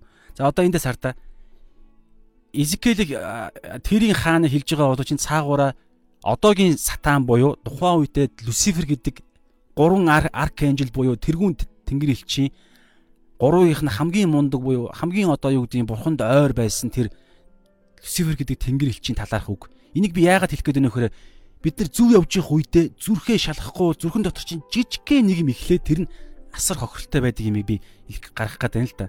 Энд дээр хараад 14-ийг бүгдээр харах юм бол за 14 ч яах вэ? Ингэж явж байгаа тардаа чамд чамд мэрэгэн ухаанаар бялхсан үзэгслэн төгс бүрэн төгөлдөр тамга байв. Тамгач өөрөө эрх мэдэл түүнд үзэгслэн төгс байдал байсан. Нөгөө нэг одоо бидний түрүүний яриадас эдгээр бүх зүйлсүүд чинь явж гинэ гэсэн санаа байхгүй. Би ингэж ийм параллелаар ингэ зэрэгцүүлж би гарах гэдэг нь л та. Ингээд мундаг явж иж болно. Аа бурхны цэцэрлэгт эдэнд чи байсан Эрдэнсийн чулуу бүр чамааг бүрхэж бай буюу Эрдэнсийн чулууч ерөнхийдөө тэр бурхны бурхан таалагддаг тэр дүр төрхүүд одоо энэ дүлгөөн байдал зүвт байдал адмарг молор те аа тэгээ эндээс ерөнхийдөө магтаалын юу байсан гэсэн санаа гаргадаг юм шиг санагдаад байна. Тэгээд алтаар урлагдсан байв те чиний дотор эдгээр углуур хүрээ углуур тэний чиний тэр оюун ухааны чинь тогтолцоо энэ зүйлс чи алт буюу тэр шижир алт байсан. Бурхан чамааг ингэж төгс төгөлдөр гимгүү хамгийн гоёор бүтээсэн байсан. Чи халахалдаг тослогдсон херүүбүүд байсан буюу те халахалдаг гэдэг нь одоо санаа нь ерөнхийдөө бусад элч нараа тэнгэр элч нараа чи өдөрдөж те тослогдсон буюу бурхан түүнийг энэ байр суурьнд нь тавьсан те Тэгээ би чамааг байрлуулсан. Бурхан хэлж штэ. Би чамааг бүтээж, би чамааг энэ байр суурь дээрж тавьсан. Энэ юутай адилхан санагдаж байна. Яг энэ хардаа сүнсэн дотроо ядуу буюу би хинч биш сүнс би ямар чадлагүй гэдгийг ойлгох үед Бурхан биднэрт Тэнгэрийн хаанчлалыг өгж Тэнгэрийн хаанчлал дотор биднийг байрлуулж байгаа юм. Тэгээд аа гашуудаад бид нар ингэж хинч биш юм байна гэдээ ойлгох үед биднийг тайвшруулж ивэл өрөөл өв залгамжил тэр гой тосолгоо одоо энэ дээр түрүүний агаар нэг те энэ гойд очир алмаа зэдгэр зүйлсүүд тосолгоог байрлуулж өгсөн. Бурхны ариун ууланд буюу Бурхны сүмд, Бурхны орших газар байсан Тэнгэрийн аанчл өнөөдөр бидний ярьж байгаа бол байсан. Галт чулуунууд дундуур чи гарс чи явлаа. Тэ? За энэ илэрхийлэг дараа нь судлахад зумаараа бас болно. Тэгээд ингээд ингээд явж ирсэн адаар да. Бүтээгдсэн өдрөөс авахуулан дотроос чинь гажууд л олдох хүртэл. Энд багхгүй юу? Бүтээгдсэн өдрөөс авахуулан дотроос чинь гажууд л олдох хүртэл замлуудаараа чи гим зэмгүй байваа. За ингээд цаашаага баах юм яаж. Исая дээр бас адилхан 28 28-ийн 14 дээр үлээ 14-ийнх наат Исая 14 дээр байгаа шүү. 14-ийнх нь бас 12 14 авцсан байгаа. Тэгээд хардаа бүтээгдсэн өдөр буюу бид нар өнөөдөр Тэнгэрийн аанчлал бид нар бид нар эхлэл маань гоё үж болно те. Бид нар яг үнэн зөв зүйлээ ойлгож ухаарад а сүнсээрээ бид нар хинч биш юм байна гэдгийг ойлгоод би ямар ч боломжгүй би зүгээр өөх ёстой байтал бурхан намайг өршөөж нэгүүлсэж Бурхны ариун сүнсний хүчээр л би өнөөдөр Тэнгэрийн хаанчлал байгаа юм байна гэдээ ойлгоод тэгээд ингээд бүтээн чинь шин бүтээл штэ. Бид нар Христ дотор шин бүтээл болж байна. Бүтээгдсэн өдрөөсөө эхлээд те ингээд ингээд явж байна. Гэтэл хардаас энэ үед сатаны сатан Люцифер бүтээгдэх үедээ гин нүгэл гэдэг ойлголт байсан уу гэсэн санаа. За энэ зүгээр та бодчихоорой. Би бол бурхан гин нүглийг бүтээгээг угаасаа бай гим нүгэл гэдэг нь ойлгоход чинь өөрөө яг нэгэн бодиттой юм биш гинэ. Гим нүгэл харанхуй хүүтэн гэдэг нь ойлголт чинь яг нэг юм химжиж болдог нэг юм одоо бодиттой нэг юм бит объект биш гинэ. Зүгээр харанхуй та нар урд нь сонсч ирсэн бол гэрэл байхгүй нөхцөл байдлыг л харанхуй гэдэг. Дулаан тэр дулааны илчтэй тэр гал байхгүй нөхцөлийг л хүүтэн гэдэг. Үүнтэй адилхан гим нүгэл гим нүгэл харанхуй бузар муу гэдэг чи юу юм бэ? бурхан байхгүй байгаа тэр нэг юм хоосоо орон зайг л бузармуу гэж байгаа байхгүй. Тэгэхээр бурхан өөрөө бол мөнхөд оршиж исэн те. Тэгээ бүтээгээд бүтээл дотроо бурхан өөрөө байсан. Тэгээд энэ одоо ардаа бүтээгдсэн өдрөөс ахуулан дотроос чинь гажууд л олдох буюу яг энэ бүтээгдсэн үеийнхэн дотор тэрээр өөрөө бурханыг тээхэ болж эхэлсэн гэсэн санаа надад бол мэдрэгдэж байна. Танд хэр санаа нэгдэж байна те.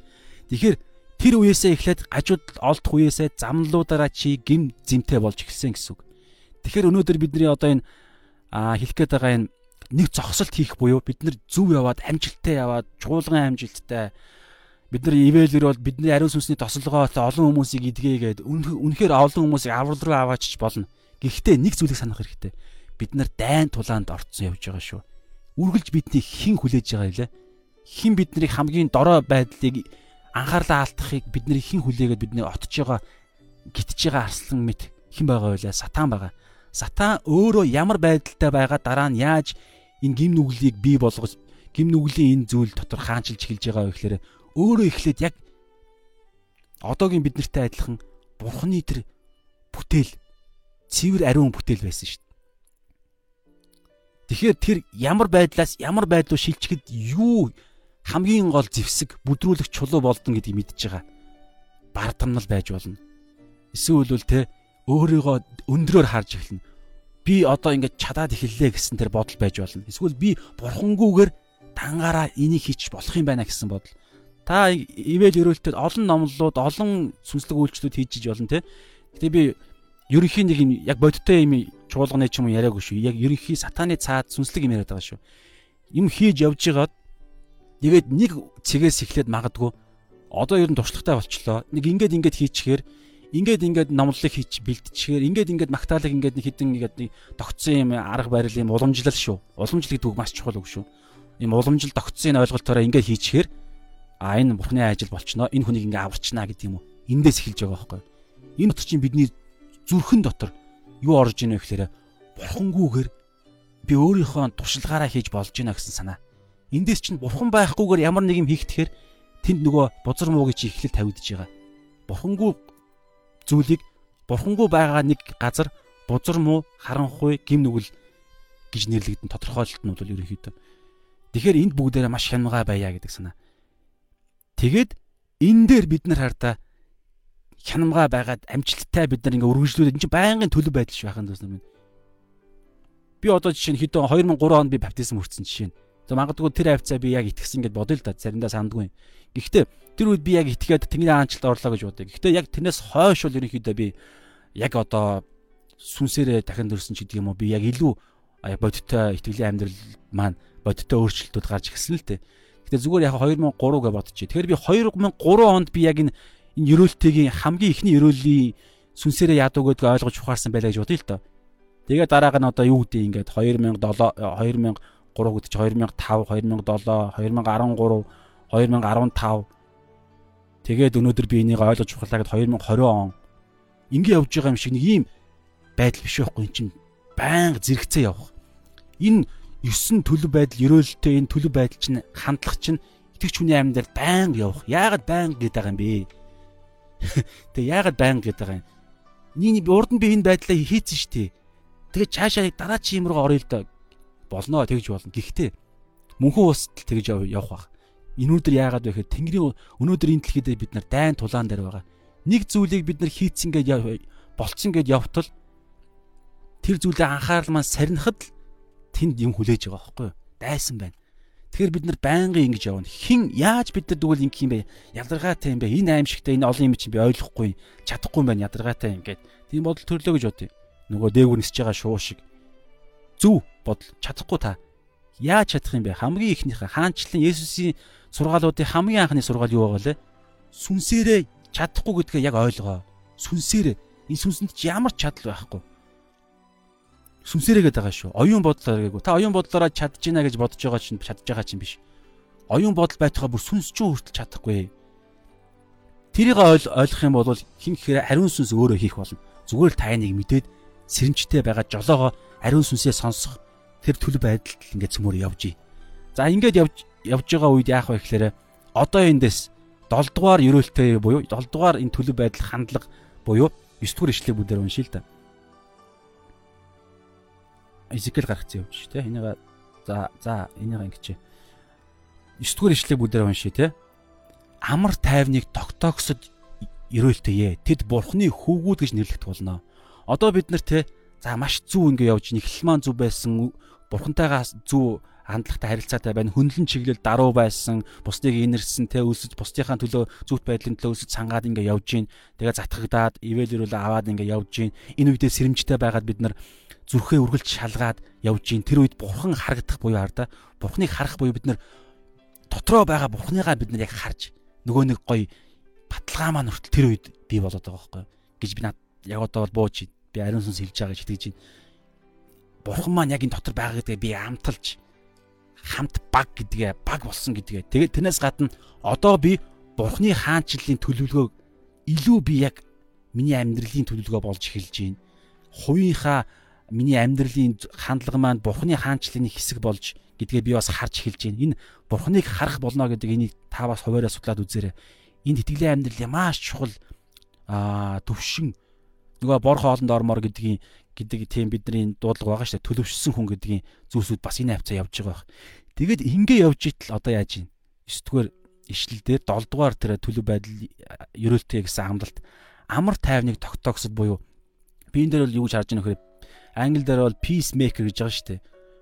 Иний цаана бол над ямар бодол төрсэн бэ гэхлээрэ хүмүүсүүдийг одоо бид нар яг бодиттой нөгөө нэг юм ургацаа хураалт буюу хаанчлын тэр эцсийн зорилго буюу а хүмүүсүүдийг аврах юу яагаад ингэж бодол төрсэн бэ гэхээр peacemaker гэж байгаа шүү дээ. Peace. Аа 9 дугаар ишлэнээр да. Blessed are the peacemakers. Амар тайвныг хэн тогтоодъё? Хэн амар тайвныг тогтоогч? Амар тайвны хаан гэж хин? Инх тайвны хаан гэж хин? Есүс. Тэ? Тэгэхээр Есүсийн Есүсийн тэр хийдэг амар тайвныг амар хүн ер нь итгэж үл итгэгч одоо тэр гимтэй хүмүүс харанхуйд байгаа хүмүүс тэр ямар үед амар тайв ирэх юм? Хаан нь ирсэн тохиолдолд. Хааныхаа халахвчанд орсон тохиолдолд хаанчлалын нэг хэсэг болсон тохиолдолд тэр хүн одоо би амар тайван болж байна гэж хэлнэ. Ягаад тэгэхээр Тэнгэр элч нар намайг хамгаалж байгаа. Би ухаантай байна. Би бурхнаас ирсэн мэрэгэн ухаанаараа ариун сүнсний өдөрдмжаар би хийх юма хийгээд явна. Би анхаарах юм анхаарад явна. Зүрхөө хянах хянахтаараа хянаад явна. Би бусдын өмнө даруй байдаг дээрээ даруй байгаад явна. Шашинлаг даруй байдал яриаггүй шүү. Яг жинхэнэ зүрхний даруй байдал. Угаасаа би бусдаас дээр биш. Бусдаа яг адилхан гэдгээ бод. Тэгээд ингээд даруй байгаад ингээд явчих үед яах вэ гэхээр энэ амар тайвныг яаж амар тайвныг бид нар тогтооно гэж байгааз амар тайвныг тогтоогсод ерөөлтөе. Энэ юу гэхээр бид нар бусдыг Есүс дээр аваач авчирч эхэлнэ гэсэн үг. Хүмүүсүүдийг аврал руу дуудаж эхэлж байна гэж байгаа зү. Тэгээд сүнслэг байдлын үед тэрнээс гадна нийгэмдэр ч гэсэн бас итгэж хүмүүс аливаа улс үндэстэн итгэж хүмүүс олжлох тусам тэр нийгэм өөрөө илүү шудраг, илүү хоёр талтай илүү тэнд ивэл ирүүл цэвэр агаар тэнд амар тайван тогтоогдож ирдэг угаасаа. Тэгэхдээ бид нар ерөөхдөө энэ нийгэм өөрөө энэ дэлхийн нийгэм тэр чигээр уруудаж яваа гэдг өргөл санах хэрэгтэй шүү. Эцсийн цаг үе рүүгээ явж байгаа. Гэхдээ энэ дээр би өнөөдрийн над бодсон бодол хамгийн гол хувь хүний дотор байгаа амар тайван.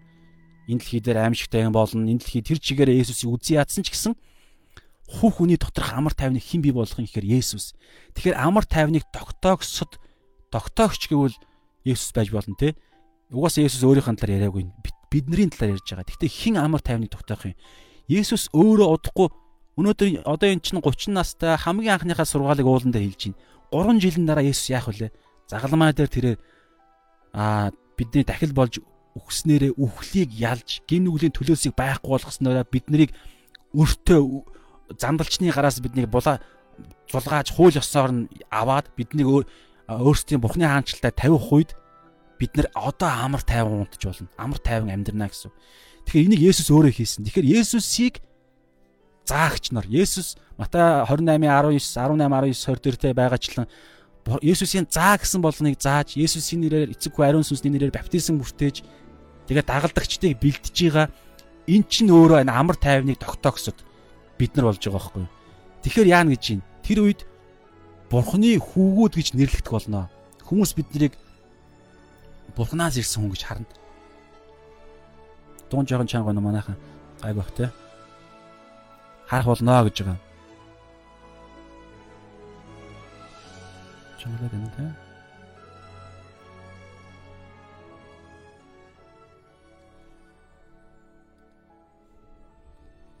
Тэгэхээр энд одоо яаж нөгөө түрүүний явсан ингээд ингээд ингээд явж байгаа энэ шатлуу чи одоо энд яаж нэхээр бид нөр хаанчлалынхаа төлөвлөгөөг бүр хэрэгжүүлж эхэлж байгаа зү. Хаанчлалын байга онсон хаанчлалын хамгийн гол төлөвлөгөө болох эцэж туйлдсан, ядарсан харанхууд байгаа арт түмнийг Бухны арт түмэн хүүгүүд октоодыг бид нар Есүс Христийн нэрээр ариун сүнс өөрсдийнхөө хүчээр биш шүү. Үргэлж энэ дээр нөгөө зүрхэндээ цэвэр ариун буюу үргэлж зүрхээ шалах хэрэгтэй. Тэгэхгүй түр Изекэл дээр байсанчлан бидний отож байгаа хүмүүс байгаа. Тийм учраас амар тайвныг тогтоогсод буюу бурхныг хүмүүсүүдийг ингэж харанхуугаас аа гим нүглийн дарал боолчлоос авж байгаа ч нөр хаанчлалын хамгийн гол зорилго түүнээсээр энэ нийгэмдэр байр суурь эзлэх бол хаанчлалын гол зорилго хизээч биш шүү. Хизээч тэгж Есүс ирээгүй. Есүс нийгмийн улс төрийн зүтгэлтэн байхаар ирээгүй. Нам байгуулахаар ирээгүй. Чуулган нь амар гой байхаар ирээгүй. Мундаг хэлбэртэй магтаалын хөгжим мөгжим байхаар ирээгүй. Тэр дандаа зүрх ярддаг. Зүрхний асуудлыг ярддаг. Ихтэй бид нар зүрхээр хамгийн байгаа гой зүйлээрээ бид нар магтаал өргөхдөө энэ юу магтаалын зүйлсүүдийг байрлал байшин хэрэгэлдэг. Гэхдээ зүрхэндээ цэвэр ариун буюу бид нар үргэлж зогсолт хийж үргэлж бид нар зогсолт хийж зүрхээ шалгаж явах хэрэгтэй. Нэг юм хийх болгонд яах гэж байна? Энэ юу болох гэж байна?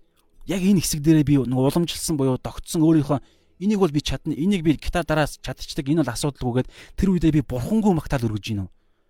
Эсвэл ингээ за иймэрхүү ингээ мэддэг хідэн мэдлэгээ ишлээ ашиглаад номл хийж гэдэг юм уу те? Тэр хандлага нь гэхдээ номл дээр ч арайд ихгүй байх. Би энэ дээр жоохон буруу жишээ татчих боллоо.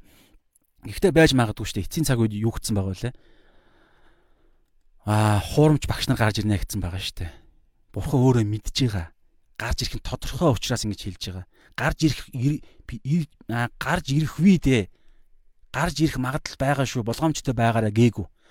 Гарч ирнэ гэсэн байгаа шүү. Тэгэхээр хаан танд зөвхөн Америкт хэлсэн юм уу? Зөвхөн Солонгост хэлсэн юм уу? Үгүй шүү дээ. Монголд ч хэлж байгаа. Эцсийн цаг үе бид нар эцсийн цаг үед амьдарж байгаа. Паул ч хэлсэн шүү дээ. Энэ хүү эцсийн цаг үед гээд ишлэн цагтлууд нь явдаг. Тэгэхээр Паул бүр 1-р зууны үеэс үед тэгж ярьж исэн хүмүүс өнөөдөр Библиэр тэгж бичигдсэн хүмүүс өнөөдөр бид нар тэгж ярихгүй гэж юу? Тэгэхээр болоогүй гэж бид нар бодож байгаа бол эн чин хүртэл аюултай бодол байгаад байгаа байхгүй. Тийм учраас бид нар үргэлж те тэгээд ингээд амар тайвнаа тогтоогсод тэгээд хамгийн сүүлийнхийг харъя та бүгдээрээ 10 11 дугаар ишлэр ихэд хамтд нь би яач 10 11 дээр юу гэж байгаа гэхээр тэгтээ жоох ялгаатай 10 дугаар ишлэлээр ингэж байгаа 8 дахь аа зөрөөлтөй буюу 8 дахь амлалт 8 дахь бидний хандлага 8 дахь итгэлийн амьдралын тэр дотроо тээж явах тэр төлөв байдал юу гэж байна? Зүвт байдлын төлөө хавчигдагсад ерөөлтөе. Тэнгэрийн хаанчлал тэднийх. Одоо энэ хараа зүвт байдлын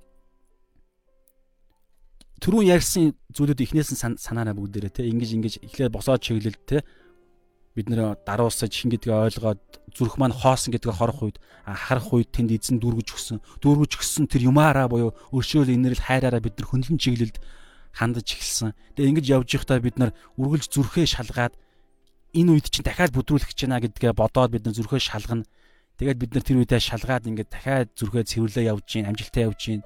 Тэнгүүт нь 9 дугаар ишлэлээс эхлээд одоо бид нар жинхэнэ хувь тавилантай хүрч эхэлж байгаа байхгүй. Жинхэнэ бид нар бусдыг амар тайван руу хөтлөх буюу Тэнгэрийн хаанчлалын гол зорилго болсон хүмүүсүүдийг Есүс дээр амар тайван тогт амар тайвныг өөгч дээр өөгч цор ганц нэгэн дээр бид нар аваач эхэлж гин. Үүгээрээ бид гэрчлэлээрээ бид энэ бүгдийг хийн эцэс төвлөдсөн хүнд дарамт үүрсэн хүмүүсээ бүгд над руу ир би та нарт та нарыг амраая амар тайвныг өгье гэж Есүс хэлсэн шүү дээ. Тэгэхээр энийг хийгээ явж гин. Бүх зүйл сайхан явж гин. Ингээд ингэж явж байгаа л бид нар Тэнгэрийн устаа очих юм байна. Тэ энэ энэ дэлхийгээ дуусгах юм байна гэж бодоод явж болно. Гэтэл Есүс дахиад нэг юм хэлж байгаа. Хоёр хоёр зүйл үлдсэн. Тэрний үлээ зөвхт байдлын төлөө Тэнгэрийн хаанчлалын төлөө, амь аврахын төлөө, бусдын төлөө, бусдыг өршөөж нэгүүлсэж инэрж бусдын хооллохын төлөө өөрөө хоол өлсөөд бусдыг хооллохын төлөө ингээ явж их үед хавчигдаж эхэлнэ хар да. Зөвхт байдлын төлөө хавчигдахсад өрөөлтөе. Хэн хавчих юм?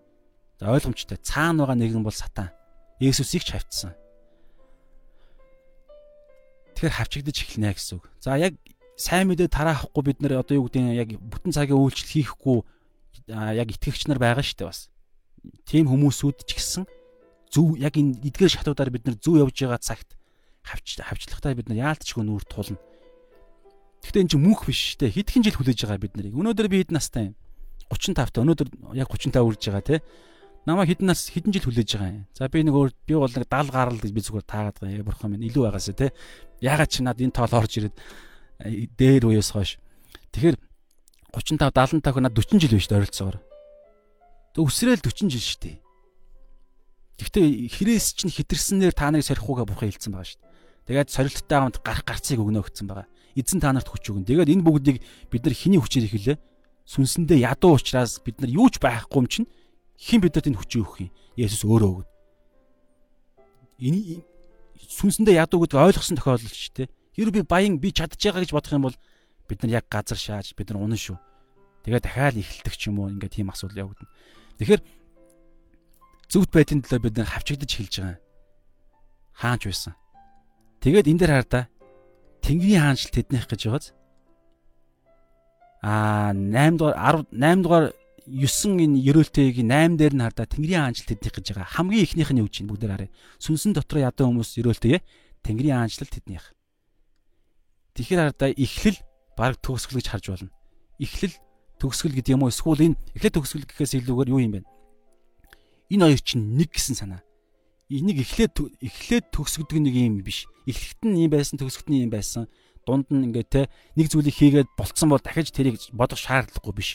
Эхлэл одоо энэ хоёр одоо энэ хоёр хязгаар те ингээд хамтдаа энэ голд байгаа зүйл нь ингээд базагдаад хоёр энэ зүйлээр ингэж нэг болоод бүрхэгдээд тэгээд байн нэг том цогц гэсэн санаа. Цогц хандлага, цогц амлалт, цогц тушаал, цогц бидний итгэлийн амьдрал маань ингэж энэ бүгд хамтдаа явж иж бид нар өрөөгдсөн амьдралаар амьдрын, ялсан амьдралаар амьдрнаа гэсэн санаа. Тэнгийн аанчлал тэднийх гэж байгаа шүү дээ. Тэгээд ард нь дахиад нэг юм байна. 9 дугаар аа 9 дугаар ерөөлтэй буюу 11 дугаар ишлэл. Тэн дээр юу гэж байна? Бүгдээр уншия. 11 дугаар 11 дугаар ишлэлийг бүгдээр уншия. Надаас болж гэж байгааз. Одоо энэ дээр надаас болж гэж Надаас гэж хим билээ Есүс. Есүсээс болж одоо энэ дээр бүр тодорхой гарч ирж байгаа. Зүгээр тэр хүн одоо энэ дээр би яг яагаад тусна авч үтсэн бэ гэхээр энэ дээр болохоор зүгээр зөвхт байдлын төлөө гэж байгаа байхгүй юу? Есүс гэдэг нэр зүүхгүй би Есүсийн нэрээр хийгээгүй байсан ч гэсэн гэдэг санааг би энэ дээр мэдрээд байгаа байхгүй юу? Есүсийн нэрээр хийхгүй байсан ч гэсэн би зөв зүйлийг хийгээ явж байгаа цагт энэ нийгэм өөрөө цаана нь энэ Есүсийн нэртэй нэргүй зүгээр бидний зөвхт байх гэж оролдож байгаа энэ зүйл чинь өөрөө энэ тогтолцоо нь хавчдаг тогтолцоо. Зөв зөвхт явж байгаа нэгнийг хавчдаг. Итгэж байсан ч хамаагүй, итгэж мөн байсан ч хамаагүй хавчдаг. Тэгтээ тэнд өрөөл байгаа гэсэн санаа явж байгаа байхгүй. Харин энд яаж юм? Одоо энэ дээр 11 дээр тэр тусмаа бүр Есүсийн нэрээр байх юм бол бүр ч илүү гэсэн санаа. Тэгээд энэ амар эвгүй одоо би нэг айлгах гээд байгаа юм шиг мэдрэмж төрж байгааз. Гэхдээ төгслийн та уншаарай. Надаас болж одоо 11 бүгдээр уншия. Есүсээс болж та нарыг хүмүүс шүү. Одоо маш бодиттой юм ярьж байна. Нөхцөл тогтолцоо биш. Яг хүмүүс, яг тодорхой нэг ажлын чинь хүн, яг магадгүй ихнэр чинь ч юм уу, нөхөр чинь ч юм уу үйл өгч байх юм бол. Тэгэхээр сал гэдэг ойлголт юу ч ярьдаггүй шээ. Би энэ та иймэрхүү байдлаар битгий бодоорой. Гэрэлсэн бол эзэн гэрэлтийг хүндэлдэг. Энэ маш чухал харин таны залбирал өөр байх болно, зорилго ч өөр байх болно. Гэхдээ энэ дээр бол хардаа бүр тодорхой болох юм ярьж штэ. Есүсээс болж гэхдээ өмнөх зүйлээрээ зүв явж байгаа цагт. Хэрвээ дунд нь та аль нэг нь яавал яах вэ?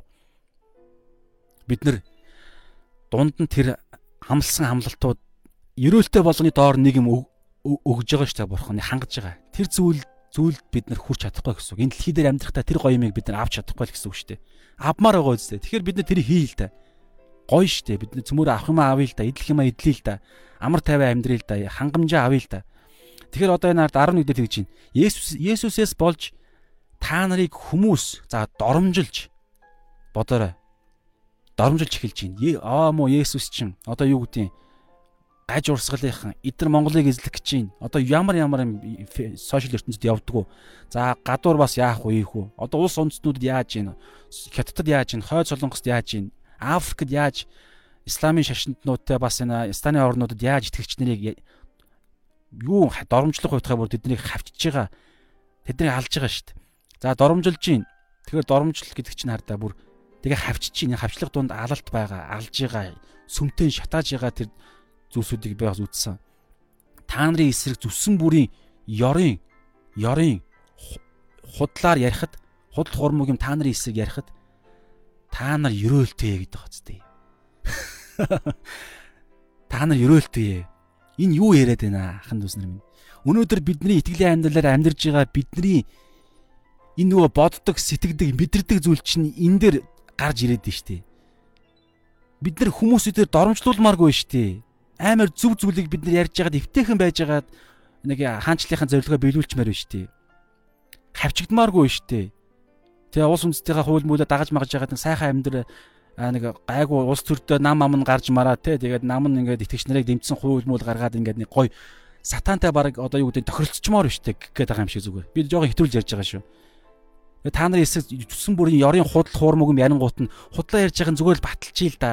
Батлал би ийм худлаа юм хийгээгүй хийгээгүй штэ гэдгээ зүгээр батлал харуулчихъя л да. Тэгвэл гайгүй амьдрын штэ ч гэдэг юм уу. Гэтэл энэ зүйл хардаа Есүсийн нэрийг үргэж үргэлж дагаж явах зүйл байгаад байгаа байхгүй юу? Би зүгээр тэгж бодож байна. Та ямар бодол байгаа юм?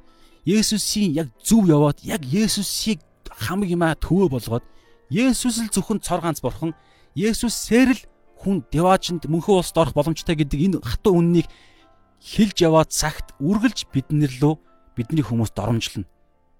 Гэхдээ энэ хүм гэдгийн цаана хэм энэ хүмүүс чинь утсан хүүхэлтэй нөт байхгүй да.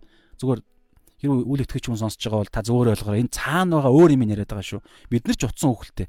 Бид нар ардаа бурхны утсан хүүхэлтэй шүү дээ. Ингэ ярих юм бол би юу хэлэх гээд байна гэхээр утсан хүүхэлтэй гэдэг нь цаана би ямар хэтрүүлж ярьж байгаа боловч юу илэрхийлж байна гэхээр бидний амьдралын зорилго, бидний амьдралын эзэн, бидний амьдралын эрх ашиг бурхнаар буюу бурхан чухал гэж боддог байхгүй. Харин үйл итгэгч нар буюу одоо тийм хүн сонсож байгаа бол таны амьдралын зорилго юу вэ гэхээр та өөрөө шүү дээ, тий?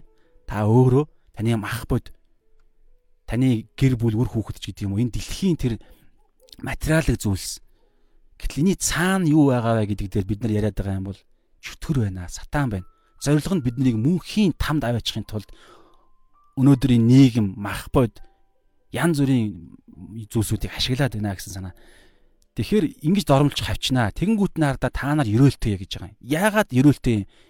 Гол зүйл нь эндээс болж шүү.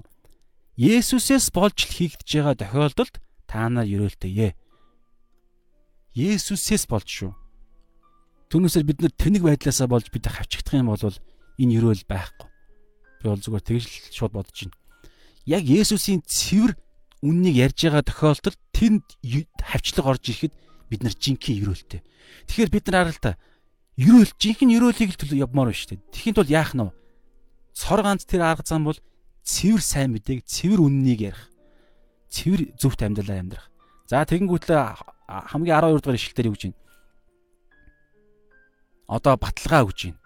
Энэ бүх зүйл яриад байгаа зүйл чинь үнэн гэдгийг та нар нэг зүйлийг санаарай. Матай ном юдэчүүдэд зориулж бичигдсэн ном. Юдэчүүд хуучин гэрээнд буюу өнгөрсөн түүхэнд бүх Бурхны ард түмэн нь яаж амьдрсан, Бурхны ард түмэн нь яаж хавчигдсан, иш үзүүлэгч нар нь яаж үйл итгэгч нараас буюу дуулуургүй израилчуудаараа хавчигдж байсныг маш сайн мэдж байгаа. Тэгээ тэдгээр хүмүүсүүдээ хүмүүсүүд хүмүүсүүдийг баримт болгож, гэрч болгож шилж ийн Есүс. Тэнгэр дэх шагнал чинь яагаад өрөөлтэй вэ гэхээр хараа түрүүний хэлсэн шалтгаан нь Эхлээд бид нар Тэнгэрийн хаанчлалд орцсон заяа. Тэнгэрийн хаанчлалд орцсон. Тэгээд та Есүсийн нэрээр сайн мэдээ тараахгүй, Есүсийн нэрээр зүвт байдал хийхгүй байсан ч гэсэн гол нь таны зорилго чинь та зүү явж байгаа түрүүний шатлбаруудаар та зүү явж байгаа тохиолдолд та сайн зүйл угаасаа таны энэ шинэ амьдралын чинь дүр төрх угаасаа хийн. Тэгээ хийгээд явж чинь хүртэл юу орж ирнэ? Хавчлаг орж ирнэ. Тэгтээ танд шагнал Тэнгэрийн хаанчлал байна. Тэр дундаа миний харж байгаагаар бол тэр дундаа яг Есүсийн нэр дээр яг Есүсийн дагалдагч гэсэн нэр зүгээд яг одоо бүтэн цагийн үйлчлэгч нар энийг талаараа энэ бас орж байгаа тий. Аа гэхдээ олон хэлбэрүүд байж болно. Аа байгаа талбар дээр та Есүсийн нэрээр та альва зүйлийг хийж байгаа тохиолч гэх юм уу. Есүсийн нэрээс л болж тэр цэвэр үнэн сайн мэдээ цэвэр тэр зөвхт байдал байдлаас болж та хавчигдаж муу хилүүлж та гүтгэхт үедээ ерөөлтөө яагаад гэхлээр одоо энэ тартаа аврал дээр миний харж байгаа шүү. Би гэхдээ энийг Библи баталдаг гэж итгэж байгаа. Яваанда цаашдаа судална. Авралаас гадна дахиад бид нарт шагнал байгаа. Би бас бурхны шудраг гэж шудраг гэдгийг мэднэ. Тийм учраас бурхан тэдгэр хүмүүсүүдийн золиос өвдөлт золиосуудын шагналыг нь эзэн өгнө гэдэгт би итгэдэг. Тэнгэрдэх шагнал чинь агуу учир баярлцгаа хөөрөн баясцгаа гэж байгаа сте. Тэгээ түрүүн би ярьсан ерөөлтэй гэдэг үг чинь грек хэлэн дээрээ бас баяр хөөр гэдэг утгаар бас библиэлд хэрэглэгддэг тохиол байдаг. Энэ үг нь ерөөлтэй гэдэг энэ үг нь зарим тохиолдолд ерөөлтэй, зарим тохиолдолд баяр хөөртэй байх гэсэн санаа. Тэгэхээр яг энэ Матай дээр бол ерөөлтэй гэж байгаа. Тэгвэл баяр хөөртэй энэ дээр хүртэл хараад байгаж тэнгэр дэх шагнал чинь агуу гэж байгаа шүү дээ. Агуу. Шагнал гэдэг шүү дээ. Тэнгэрийн аанчил шагнал хэрэггүй шүү дээ миний бодлоор. Тэнгэрийн аанчил алт мөн хэрэггүй. Одоо юу гэдэг ихнэр нөхөрч хэрэггүй. Ягаад тэгэхээр тэнд бүх юм төгс байгаа. Та Есүс Христ итгээд аврагдах юм бол тэнд бүх юм төгс байгаа. Гэхдээ яагаад шагнал хэрэгтэй гэж ярьж байгаа гэхээр миний одоо мөхс миний яг одоогийн төлөв нөхцөл байдлаар энэ цаг үед надад шагналын талаарх ойлголт юу байгаа вэ гэхээр хичнээн бүх юм төгсч гисэн тэнд мөнхийн цаг хугацаа үргэлжилж байгаа шүү дээ. Үргэлжлэн шүү дээ. Мөнхийн мөнхөд хардаа мөнх хязгаар байхгүй шүү дээ. Хязгаар байхгүй тэнд аз жаргалтай нүднээс гарах нулимс байхгүй, үхэл хагцал өвчин зовлон гэж байхгүй, ганцаардал гэж байхгүй, бүх хүмүүс байна. Таны хамгийн шүлж биширдэг итгэгч нар чинь бүгд тэнд хамт байна. Есүс байна, Авраам байна, одоо хэн байд юм Мойсе байна Бурхан Аав байна, ариун бүгд хамтдаа Тэнгэрч нар Габриэл, Михаил гээд бүгд хамтдаа байна. Гэхдээ мөнхөд байна. Тэгэхээр энэ үед миний бодлоор шагнал орж иж магадгүй гэж боддог байхгүй. Гэхдээ зүгээр миний хувийн бодол. Яагаад вэ гэхээр тэр мөнхөд амьдрахад бид нар тэр шагнал нь дахиад бидний нэг бидний нэг тийм нэг юм нэг өөр нэг ямар нэгэн зүйл зориулагдаж бид нарт шагнал бий болно гэж би бол хувьдаа бодож байна. Ямар ч байсан хүний ойлголтоор бид нар одоохондоо ойлгож чадахгүй байгаа. Гэхдээ Тэнгэрийн улсад шагнал хүлээж байгаа. Тэр нь тэгээд агуу. Ямар үед агуу гэхээр яг цэвэр Есүсийн сайн мэдээг ярьж Есүст нь үргэлж алдрыг өгч Есүс л цоор ганц авралт хүрэх зам гэдгийг үргэлж тэвгээр нь ярьдаг. Ямар нэгэн зөвхт байдал шашин зуглаанд ингээ тэгж явах юм бол ингэх юм бол баптизм бүртгэх юм бол тэр биш байхгүй да. Гол юм бол ерөөсөө Есүс. Есүсийн тэр цэвэр сайн мэдээ нэгүсэл. Тэгээд тэгээд энэ байгаа. Учир нь хардаа тэгээд та нараас өмнө байсан иш үзүүлэгчдийг ч тэд ийхүү хавцсан юм аа өмнө ч тийм байсан, одоо ч тийм байна буюу 12 дагалдагчид нь бүгд хавчигдана. Бүгд итгэлийнхаа төлөө алуулсан. Олдвруудад байдаг. Паул жишээ нь толгоогоо завчиж алуулсан гэж юунд байдаг. Библийн гадуурх олдвруудад батлагдсан байдаг. Петр цовдлуулахдаа те та мэдж байгаа би эзэнтэйгээ адилхан цовдлуулмааргүй нэгэ доошоо харж цовдлуулсан байдаг. Тэгээд бүгд одоо хинж байдیں۔ Зарим нь алуулсан, зарим нь Матай жишээ нь яасан гэлээ. Чулууга шидүүлсэн ч гэлөө ингээд бүгд 12 дагалдагч нар бүгд алуулсан. Тэрнээс хойш хэдэн зуун жилийн турш бүх итгэлийн хүмүүс бүгд хавчигдсан. Бар бар арслангуудад идүүлж амьдараа стадионд итгэгч нар алуулж исэн.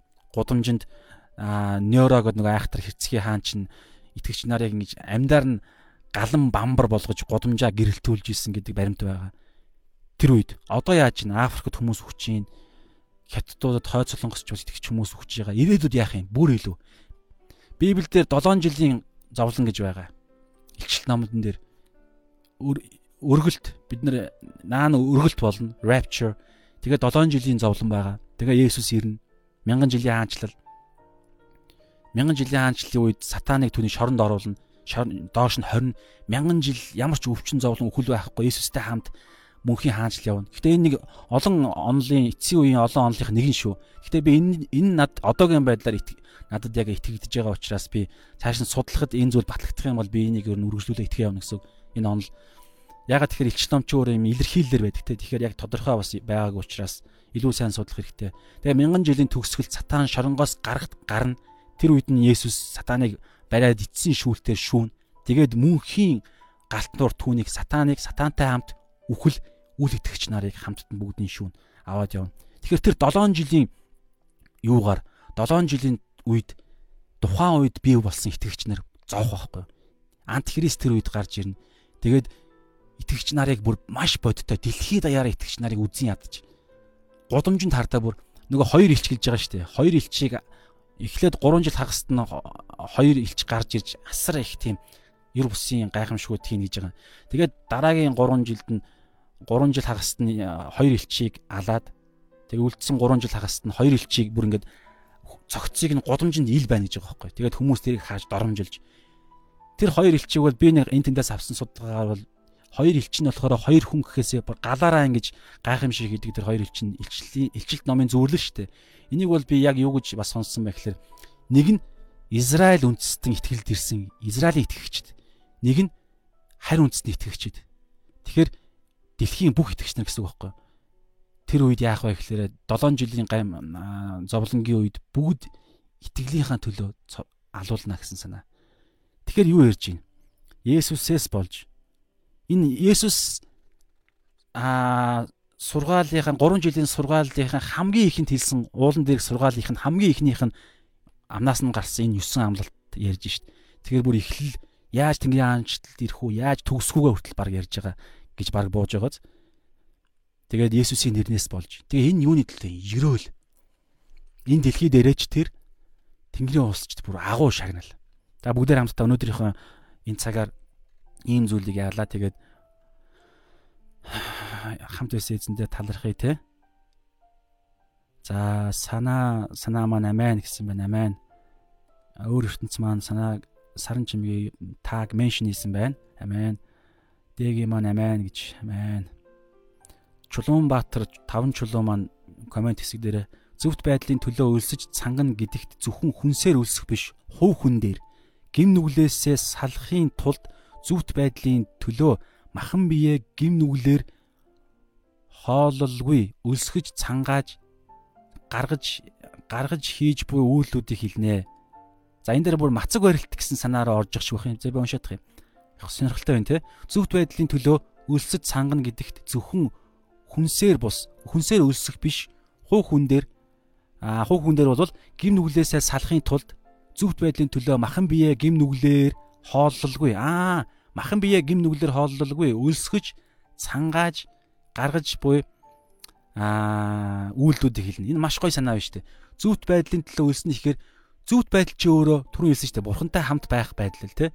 Бурхантай бурхан байхгүй бол гим нүгэл гэсэн. Тэрнээс гадна одоо энд хэлж байгаа санаа бол бидний хийж бүр ингээд те зуршилсан элдв янзын гим нүглүүд байгаа шүү дээ те. Гим нүглүүд элдв янзын дон. Тэгэхээр тэр чинь өөрөө мах бодонд ингэж юм мах бодод хэрэгцээ болоод тэгээд тэр гим нүглээ үүлдэхгүй бол нөгөө нэг хэрэгцээнүүд нь дон нь өөрөө мах бодин нь өөрөө сэтгэл нь өөрөө өлсөд байгаа байхгүй. Тэгэхээр зөвхт байдлын төлөө бид нар цэвд бурхны оршихын сүмийг ариун сүмийг хамгаалахын тулд бид нар бурхантайгаа хамт байхын тулд бурхнаа оршихж тэгээ бурхныхаа биднэрт өгсөн дуудлагаараа явахын тулд бид нар энэ гим нүглийг энэ бузар муу гим нүглийн энэ хүслийг орилоныг бид нар албаар мах бодоо үлдэхгүй байж мах бодоо бид нар өлсөх гэсэн санаа байна шүү дээ. Энэ бас нэг талаараа нөгөө мацаг барилтын энэ чинь бас мацаг барилт шүү. Мацаг барилтын бас нэг хэлбэр нь сүнсээ хооллоод мах бодоо өлсгөх гэсэн юм. Зарим хүмүүс зарим тохиолдолд хоолууд байж болно, зарим тохиолдолд үзэж харж байгаа юм байж болно, зарим тохиол ер нь бол гим нүгүүд бол хүн болгон дээр шүү дээ. Тэгэхээр мөн бид нар өнөөдөр мацаг бариагүй ч гэсэн бид нар энэ дэлхий дээр амьдрах хугацаанд байнгын нэг мацаг барилтыг хийж байгаа гэж би бодож ирсэн. Энэ бас яг санал нэгдэж чинь Чулуунбаатар Батаван чулуун. Юу вэ гэхээр бид нар гим нүглийн мацгийг бид нар байнга барьж байгаа шүү дээ гим нүглийг үйлдэхгүй бай гим нүглийг хүсэж байгаа тэр хүслийг мах бодийн тэр хүслийг бид нар хорж сүнсээ зөвхт байдлыг бурханлаг юм хийснээр бид нар ийм төрлийн мацаг барилт хийж байгаа гэсэн санааг хэлсэн байна. Амен. Баярлалаа. Батарж бабу маань Hi I like all videos you make. Thank you. Баярлалаа. Аа цэгийн маань баям амен. За тэгээ бүгдээр хамтдаа аа залбирыг тэгээ өнөөдрийнхөө хамт байсан хүмүүстээ баярлалаа. Тэгээ өнөөдрийнхээ бүгдээрээ юг дүгнээд аа нэг хідэн сэдвээр залбирая те. За эхнийх нь болохоор нэ босоо чиглэл гэдэг байгаа дээ. Энэ дээр бүгдээр нэг залбирлыг хий. Хам угаас ойлгомжтой. Хамгийн эхнийх нь энэ дээр. За энэ дээр нэг залбирая бүгдээрээ. Аа сүнс нь сүнсээрээ бид нар ямар өрөвдөлтөй дорой ядуу буюу надад юу ч байхгүй би бурхан бурхны хангамж бурхны сүнс буюу ариун сүнсний хангамжгүйгээр бурхны ивэл ирүүл нэгүсэлгүйгээр тослогоогүйг тослогоо мэрэгэн ухаан ухааралгүйгээр илчлэлтгүйгээр би юу ч хийж чадахгүй гэдгийг ойлгох хамгийн ихнийх нь. Тэгэхээр үргэлж энийгаа санаж үргэлж бид нар сүнсээ өлсгөлөн байлгая. Нэгдүгürt. Тэгэд үргэлж сүнс маань дангаараа үргэлж өлсгөлөн байдаг. Дангаараа би юу ч чадахгүй гэдгийг ойлгож ухаарай. Тэгэхээр сүнсээ үргэлж өлсгөлөн байлгая гэх юм уу? Тэгээд бүтэн үдсэн хүмүүс ерөөхдөө хэлэх гээд байгаа санааг ойлгож байгаа тий. За хоёр дахь залбирал. Хоёр дахь залбирал юу вэ гэхээр за энэ хамгийн чухал нь надад бол энэ санагдаж байна. Дүлгөөнчул буюу даруу хүмүүс яагаад энэ чухал вэ гэхээр би бустай яг адилхан гэдэг энэ бодлоос чинь бусад зүйлс гараад байгаа байхгүй. Бустай би яг адилхан юм чинь эсвэл бусдаас тэгээ бустай яг адилхан бид нар бүгдээр яг адилхан юм чинь надаас дор нэгэн байгаа бол тэр дор нэгэн хүн адилхан байдалд дор байгаад байгаа юм чи би тэр хүнийг дээш нь өрөх хэрэгтэй болж штий. Адилхан байх тавилантай юм чи адилхан байлгая л да гэх тэр хүнд би хэрэгцээтэй зүйлээр нь хангая. Би өнөөдөр сая төгрөгийн жишээ нь одоо тийм биш л дээ зүгээр. Сая төгрөгийн жишээ нь цалинтай байгаад ганц би хүн байлаа гэж бодоход 5 ам бүлтэй хүн 500 мянган төгрөгийн цалинтай ингээд үлс цангаа явж илаа гэж бодоход адилхан мөртлөө тэр хүн надаас дор байгаад байгаа юм зү. Тэгэхээр надад илүү байгаа юм бол тэр хүндээ би өгье л дөө сар болгон сая төгрөгийнхаа цалингийн 11 ч юм уу 10.0.5 ч юм уу та өөрөө ариун сүнс сануулснараа та тэр хүнд өгье л дөө. Тэгж бид нар адилхан байл та. Илүү нэгэн байгаа бол илүү нэгэн байгаа бол илүүгээр нь бид нар бас тэр хүнийг урамшуулъя. Гэхдээ тэр илүү байгаа нэгэн чинь хүн өөрөө бас доор байгаа хүмүүсүүдээ адилхан гэж хараад яагаасаа одоо энэ зүйтэл байдлын төлөө өсөж сангах гэдэг энэ зүйлсүүд нь дараа нь гарна те. Тэгэхээр хоёр дахь залбирал маань юу гэхээр бид нар бүгд бие биенийгаа шүүхгүй бай. Би адилхан гэмтэн. Адилхан би тэнэг мулгуу шүү. Та өнөөдөр ухаантай байгаа нь мундаг пастор, ахлагч нар маань та өнөөдөр ухаантай байгаа нь та бол өөрөө хүлэн зөвшөөрн яг мэдж байгаа. Энэ бол эзний өгсөн нэгүүлсэг гэдгийг пасторууд маань бүгд хүлэн зөвшөөрж номлолдоо хэлдэг те. Тэгэхээр үнэхээр тийм чинь доор байгаа нэг нь ухаангүй байгаа нэг нь эзний өгсөн нэгүслийг л харж чадахгүй байна гэсэн үг шүү дээ. Одоогийн байдлаар. Тэгэхээр та авсан тэр үнгүү бэлгээр авсан ариун сүнсний ухаар л ойлголт ичил тэр уучлаа зүгээр л босод хүмүүс ухаангүй мулгуу байгаа хүмүүстэй заана гэсэн санаагаар угаасаа манай ахлагч пасторууд маань номлож байгаа шүү дээ угаасаа. Тэгэхээр би зүгээр а тэдгээр тийм байх хэрүү тийм биш ямар нэгэн хүмүүс байвал тийм байгаасаа гэсэн утгаар ярьж байгаа шүү. За тэгэхээр үргэлж бүгдээрээ адилхан гэдгээ ухаарч тэндээс олон зүйлсүүд гарнаа. Тэрний төлөө бас залбирая. За тэгээд дараа нь үргэлж бид нар хардаа зүгээр энийг л яачих. За энийг зогсолт хийя. Зогсож бид нар үргэлж зүрхээ хянаа. За тэгээд сүүл сүүлд нь бүгдээрээ эзний төлөө За энийг ямар ч ингээд за хэд хэдэн залбир гэлзуулна. Бухны хаанчлалын хамгийн гол давшилт болох тэр хүмүүсүүдийн амийг аврах тэр зүйлийг зүйлийн төлөө залбирая. Тэгээд ингэж ингэж энэ Бурхны хаанчлалын бүрэн Бурхны хаанчлалыг зорилгоо болгоод явж их ч гэсэн хавчигдах тийм ирээдүй хүлээж байгаа шүү гэдгээ бид нар үргэлж санаа. Тэгээ энэ биднэрт баярлах одоо энэ дээр та. Тимээс та нар хөөрөн баясцгаа гэж байгаа үстэй. Яагаад тэнгэрдэг шагналч агуу байхгүй юу? Зүгээр нэг юм шашинлаг те зовлонтойдоо баярлал гээл зовлон би оюуч ойлгохгүй мөртлөө зовхороо баярлаад байх юм биш. Цаана утга учир байгаа. Юу вэ гэхээр Есүсийн төлөө бид энийг хийж байгаа учраас шагнал байгаа шүү ахын дүүсэм. Тэрийг хараад баярлая. Шагнал. За. Тэгээ ингээд шагналаа хараад бүгдээрээ баярлдаг. Тэр зовлон яалчгүй боттой зовлон ирнэ. Гэтэ тэр зовлонгоо аа зовлон дээрээ биш шагналын төлөө шагналаа харж ирээдүйн мөнхийн тэр гайхалтай зүйлийг харж энэ штэ. Мөнхийн тэр гайхалтай зүйлийг харж бүгдээрээ зовлонгоо даван гардаг байя гэдгийг энэ сэдвүүдийг бүгдээр хамтдаа аа хийгээд залбирцгаая.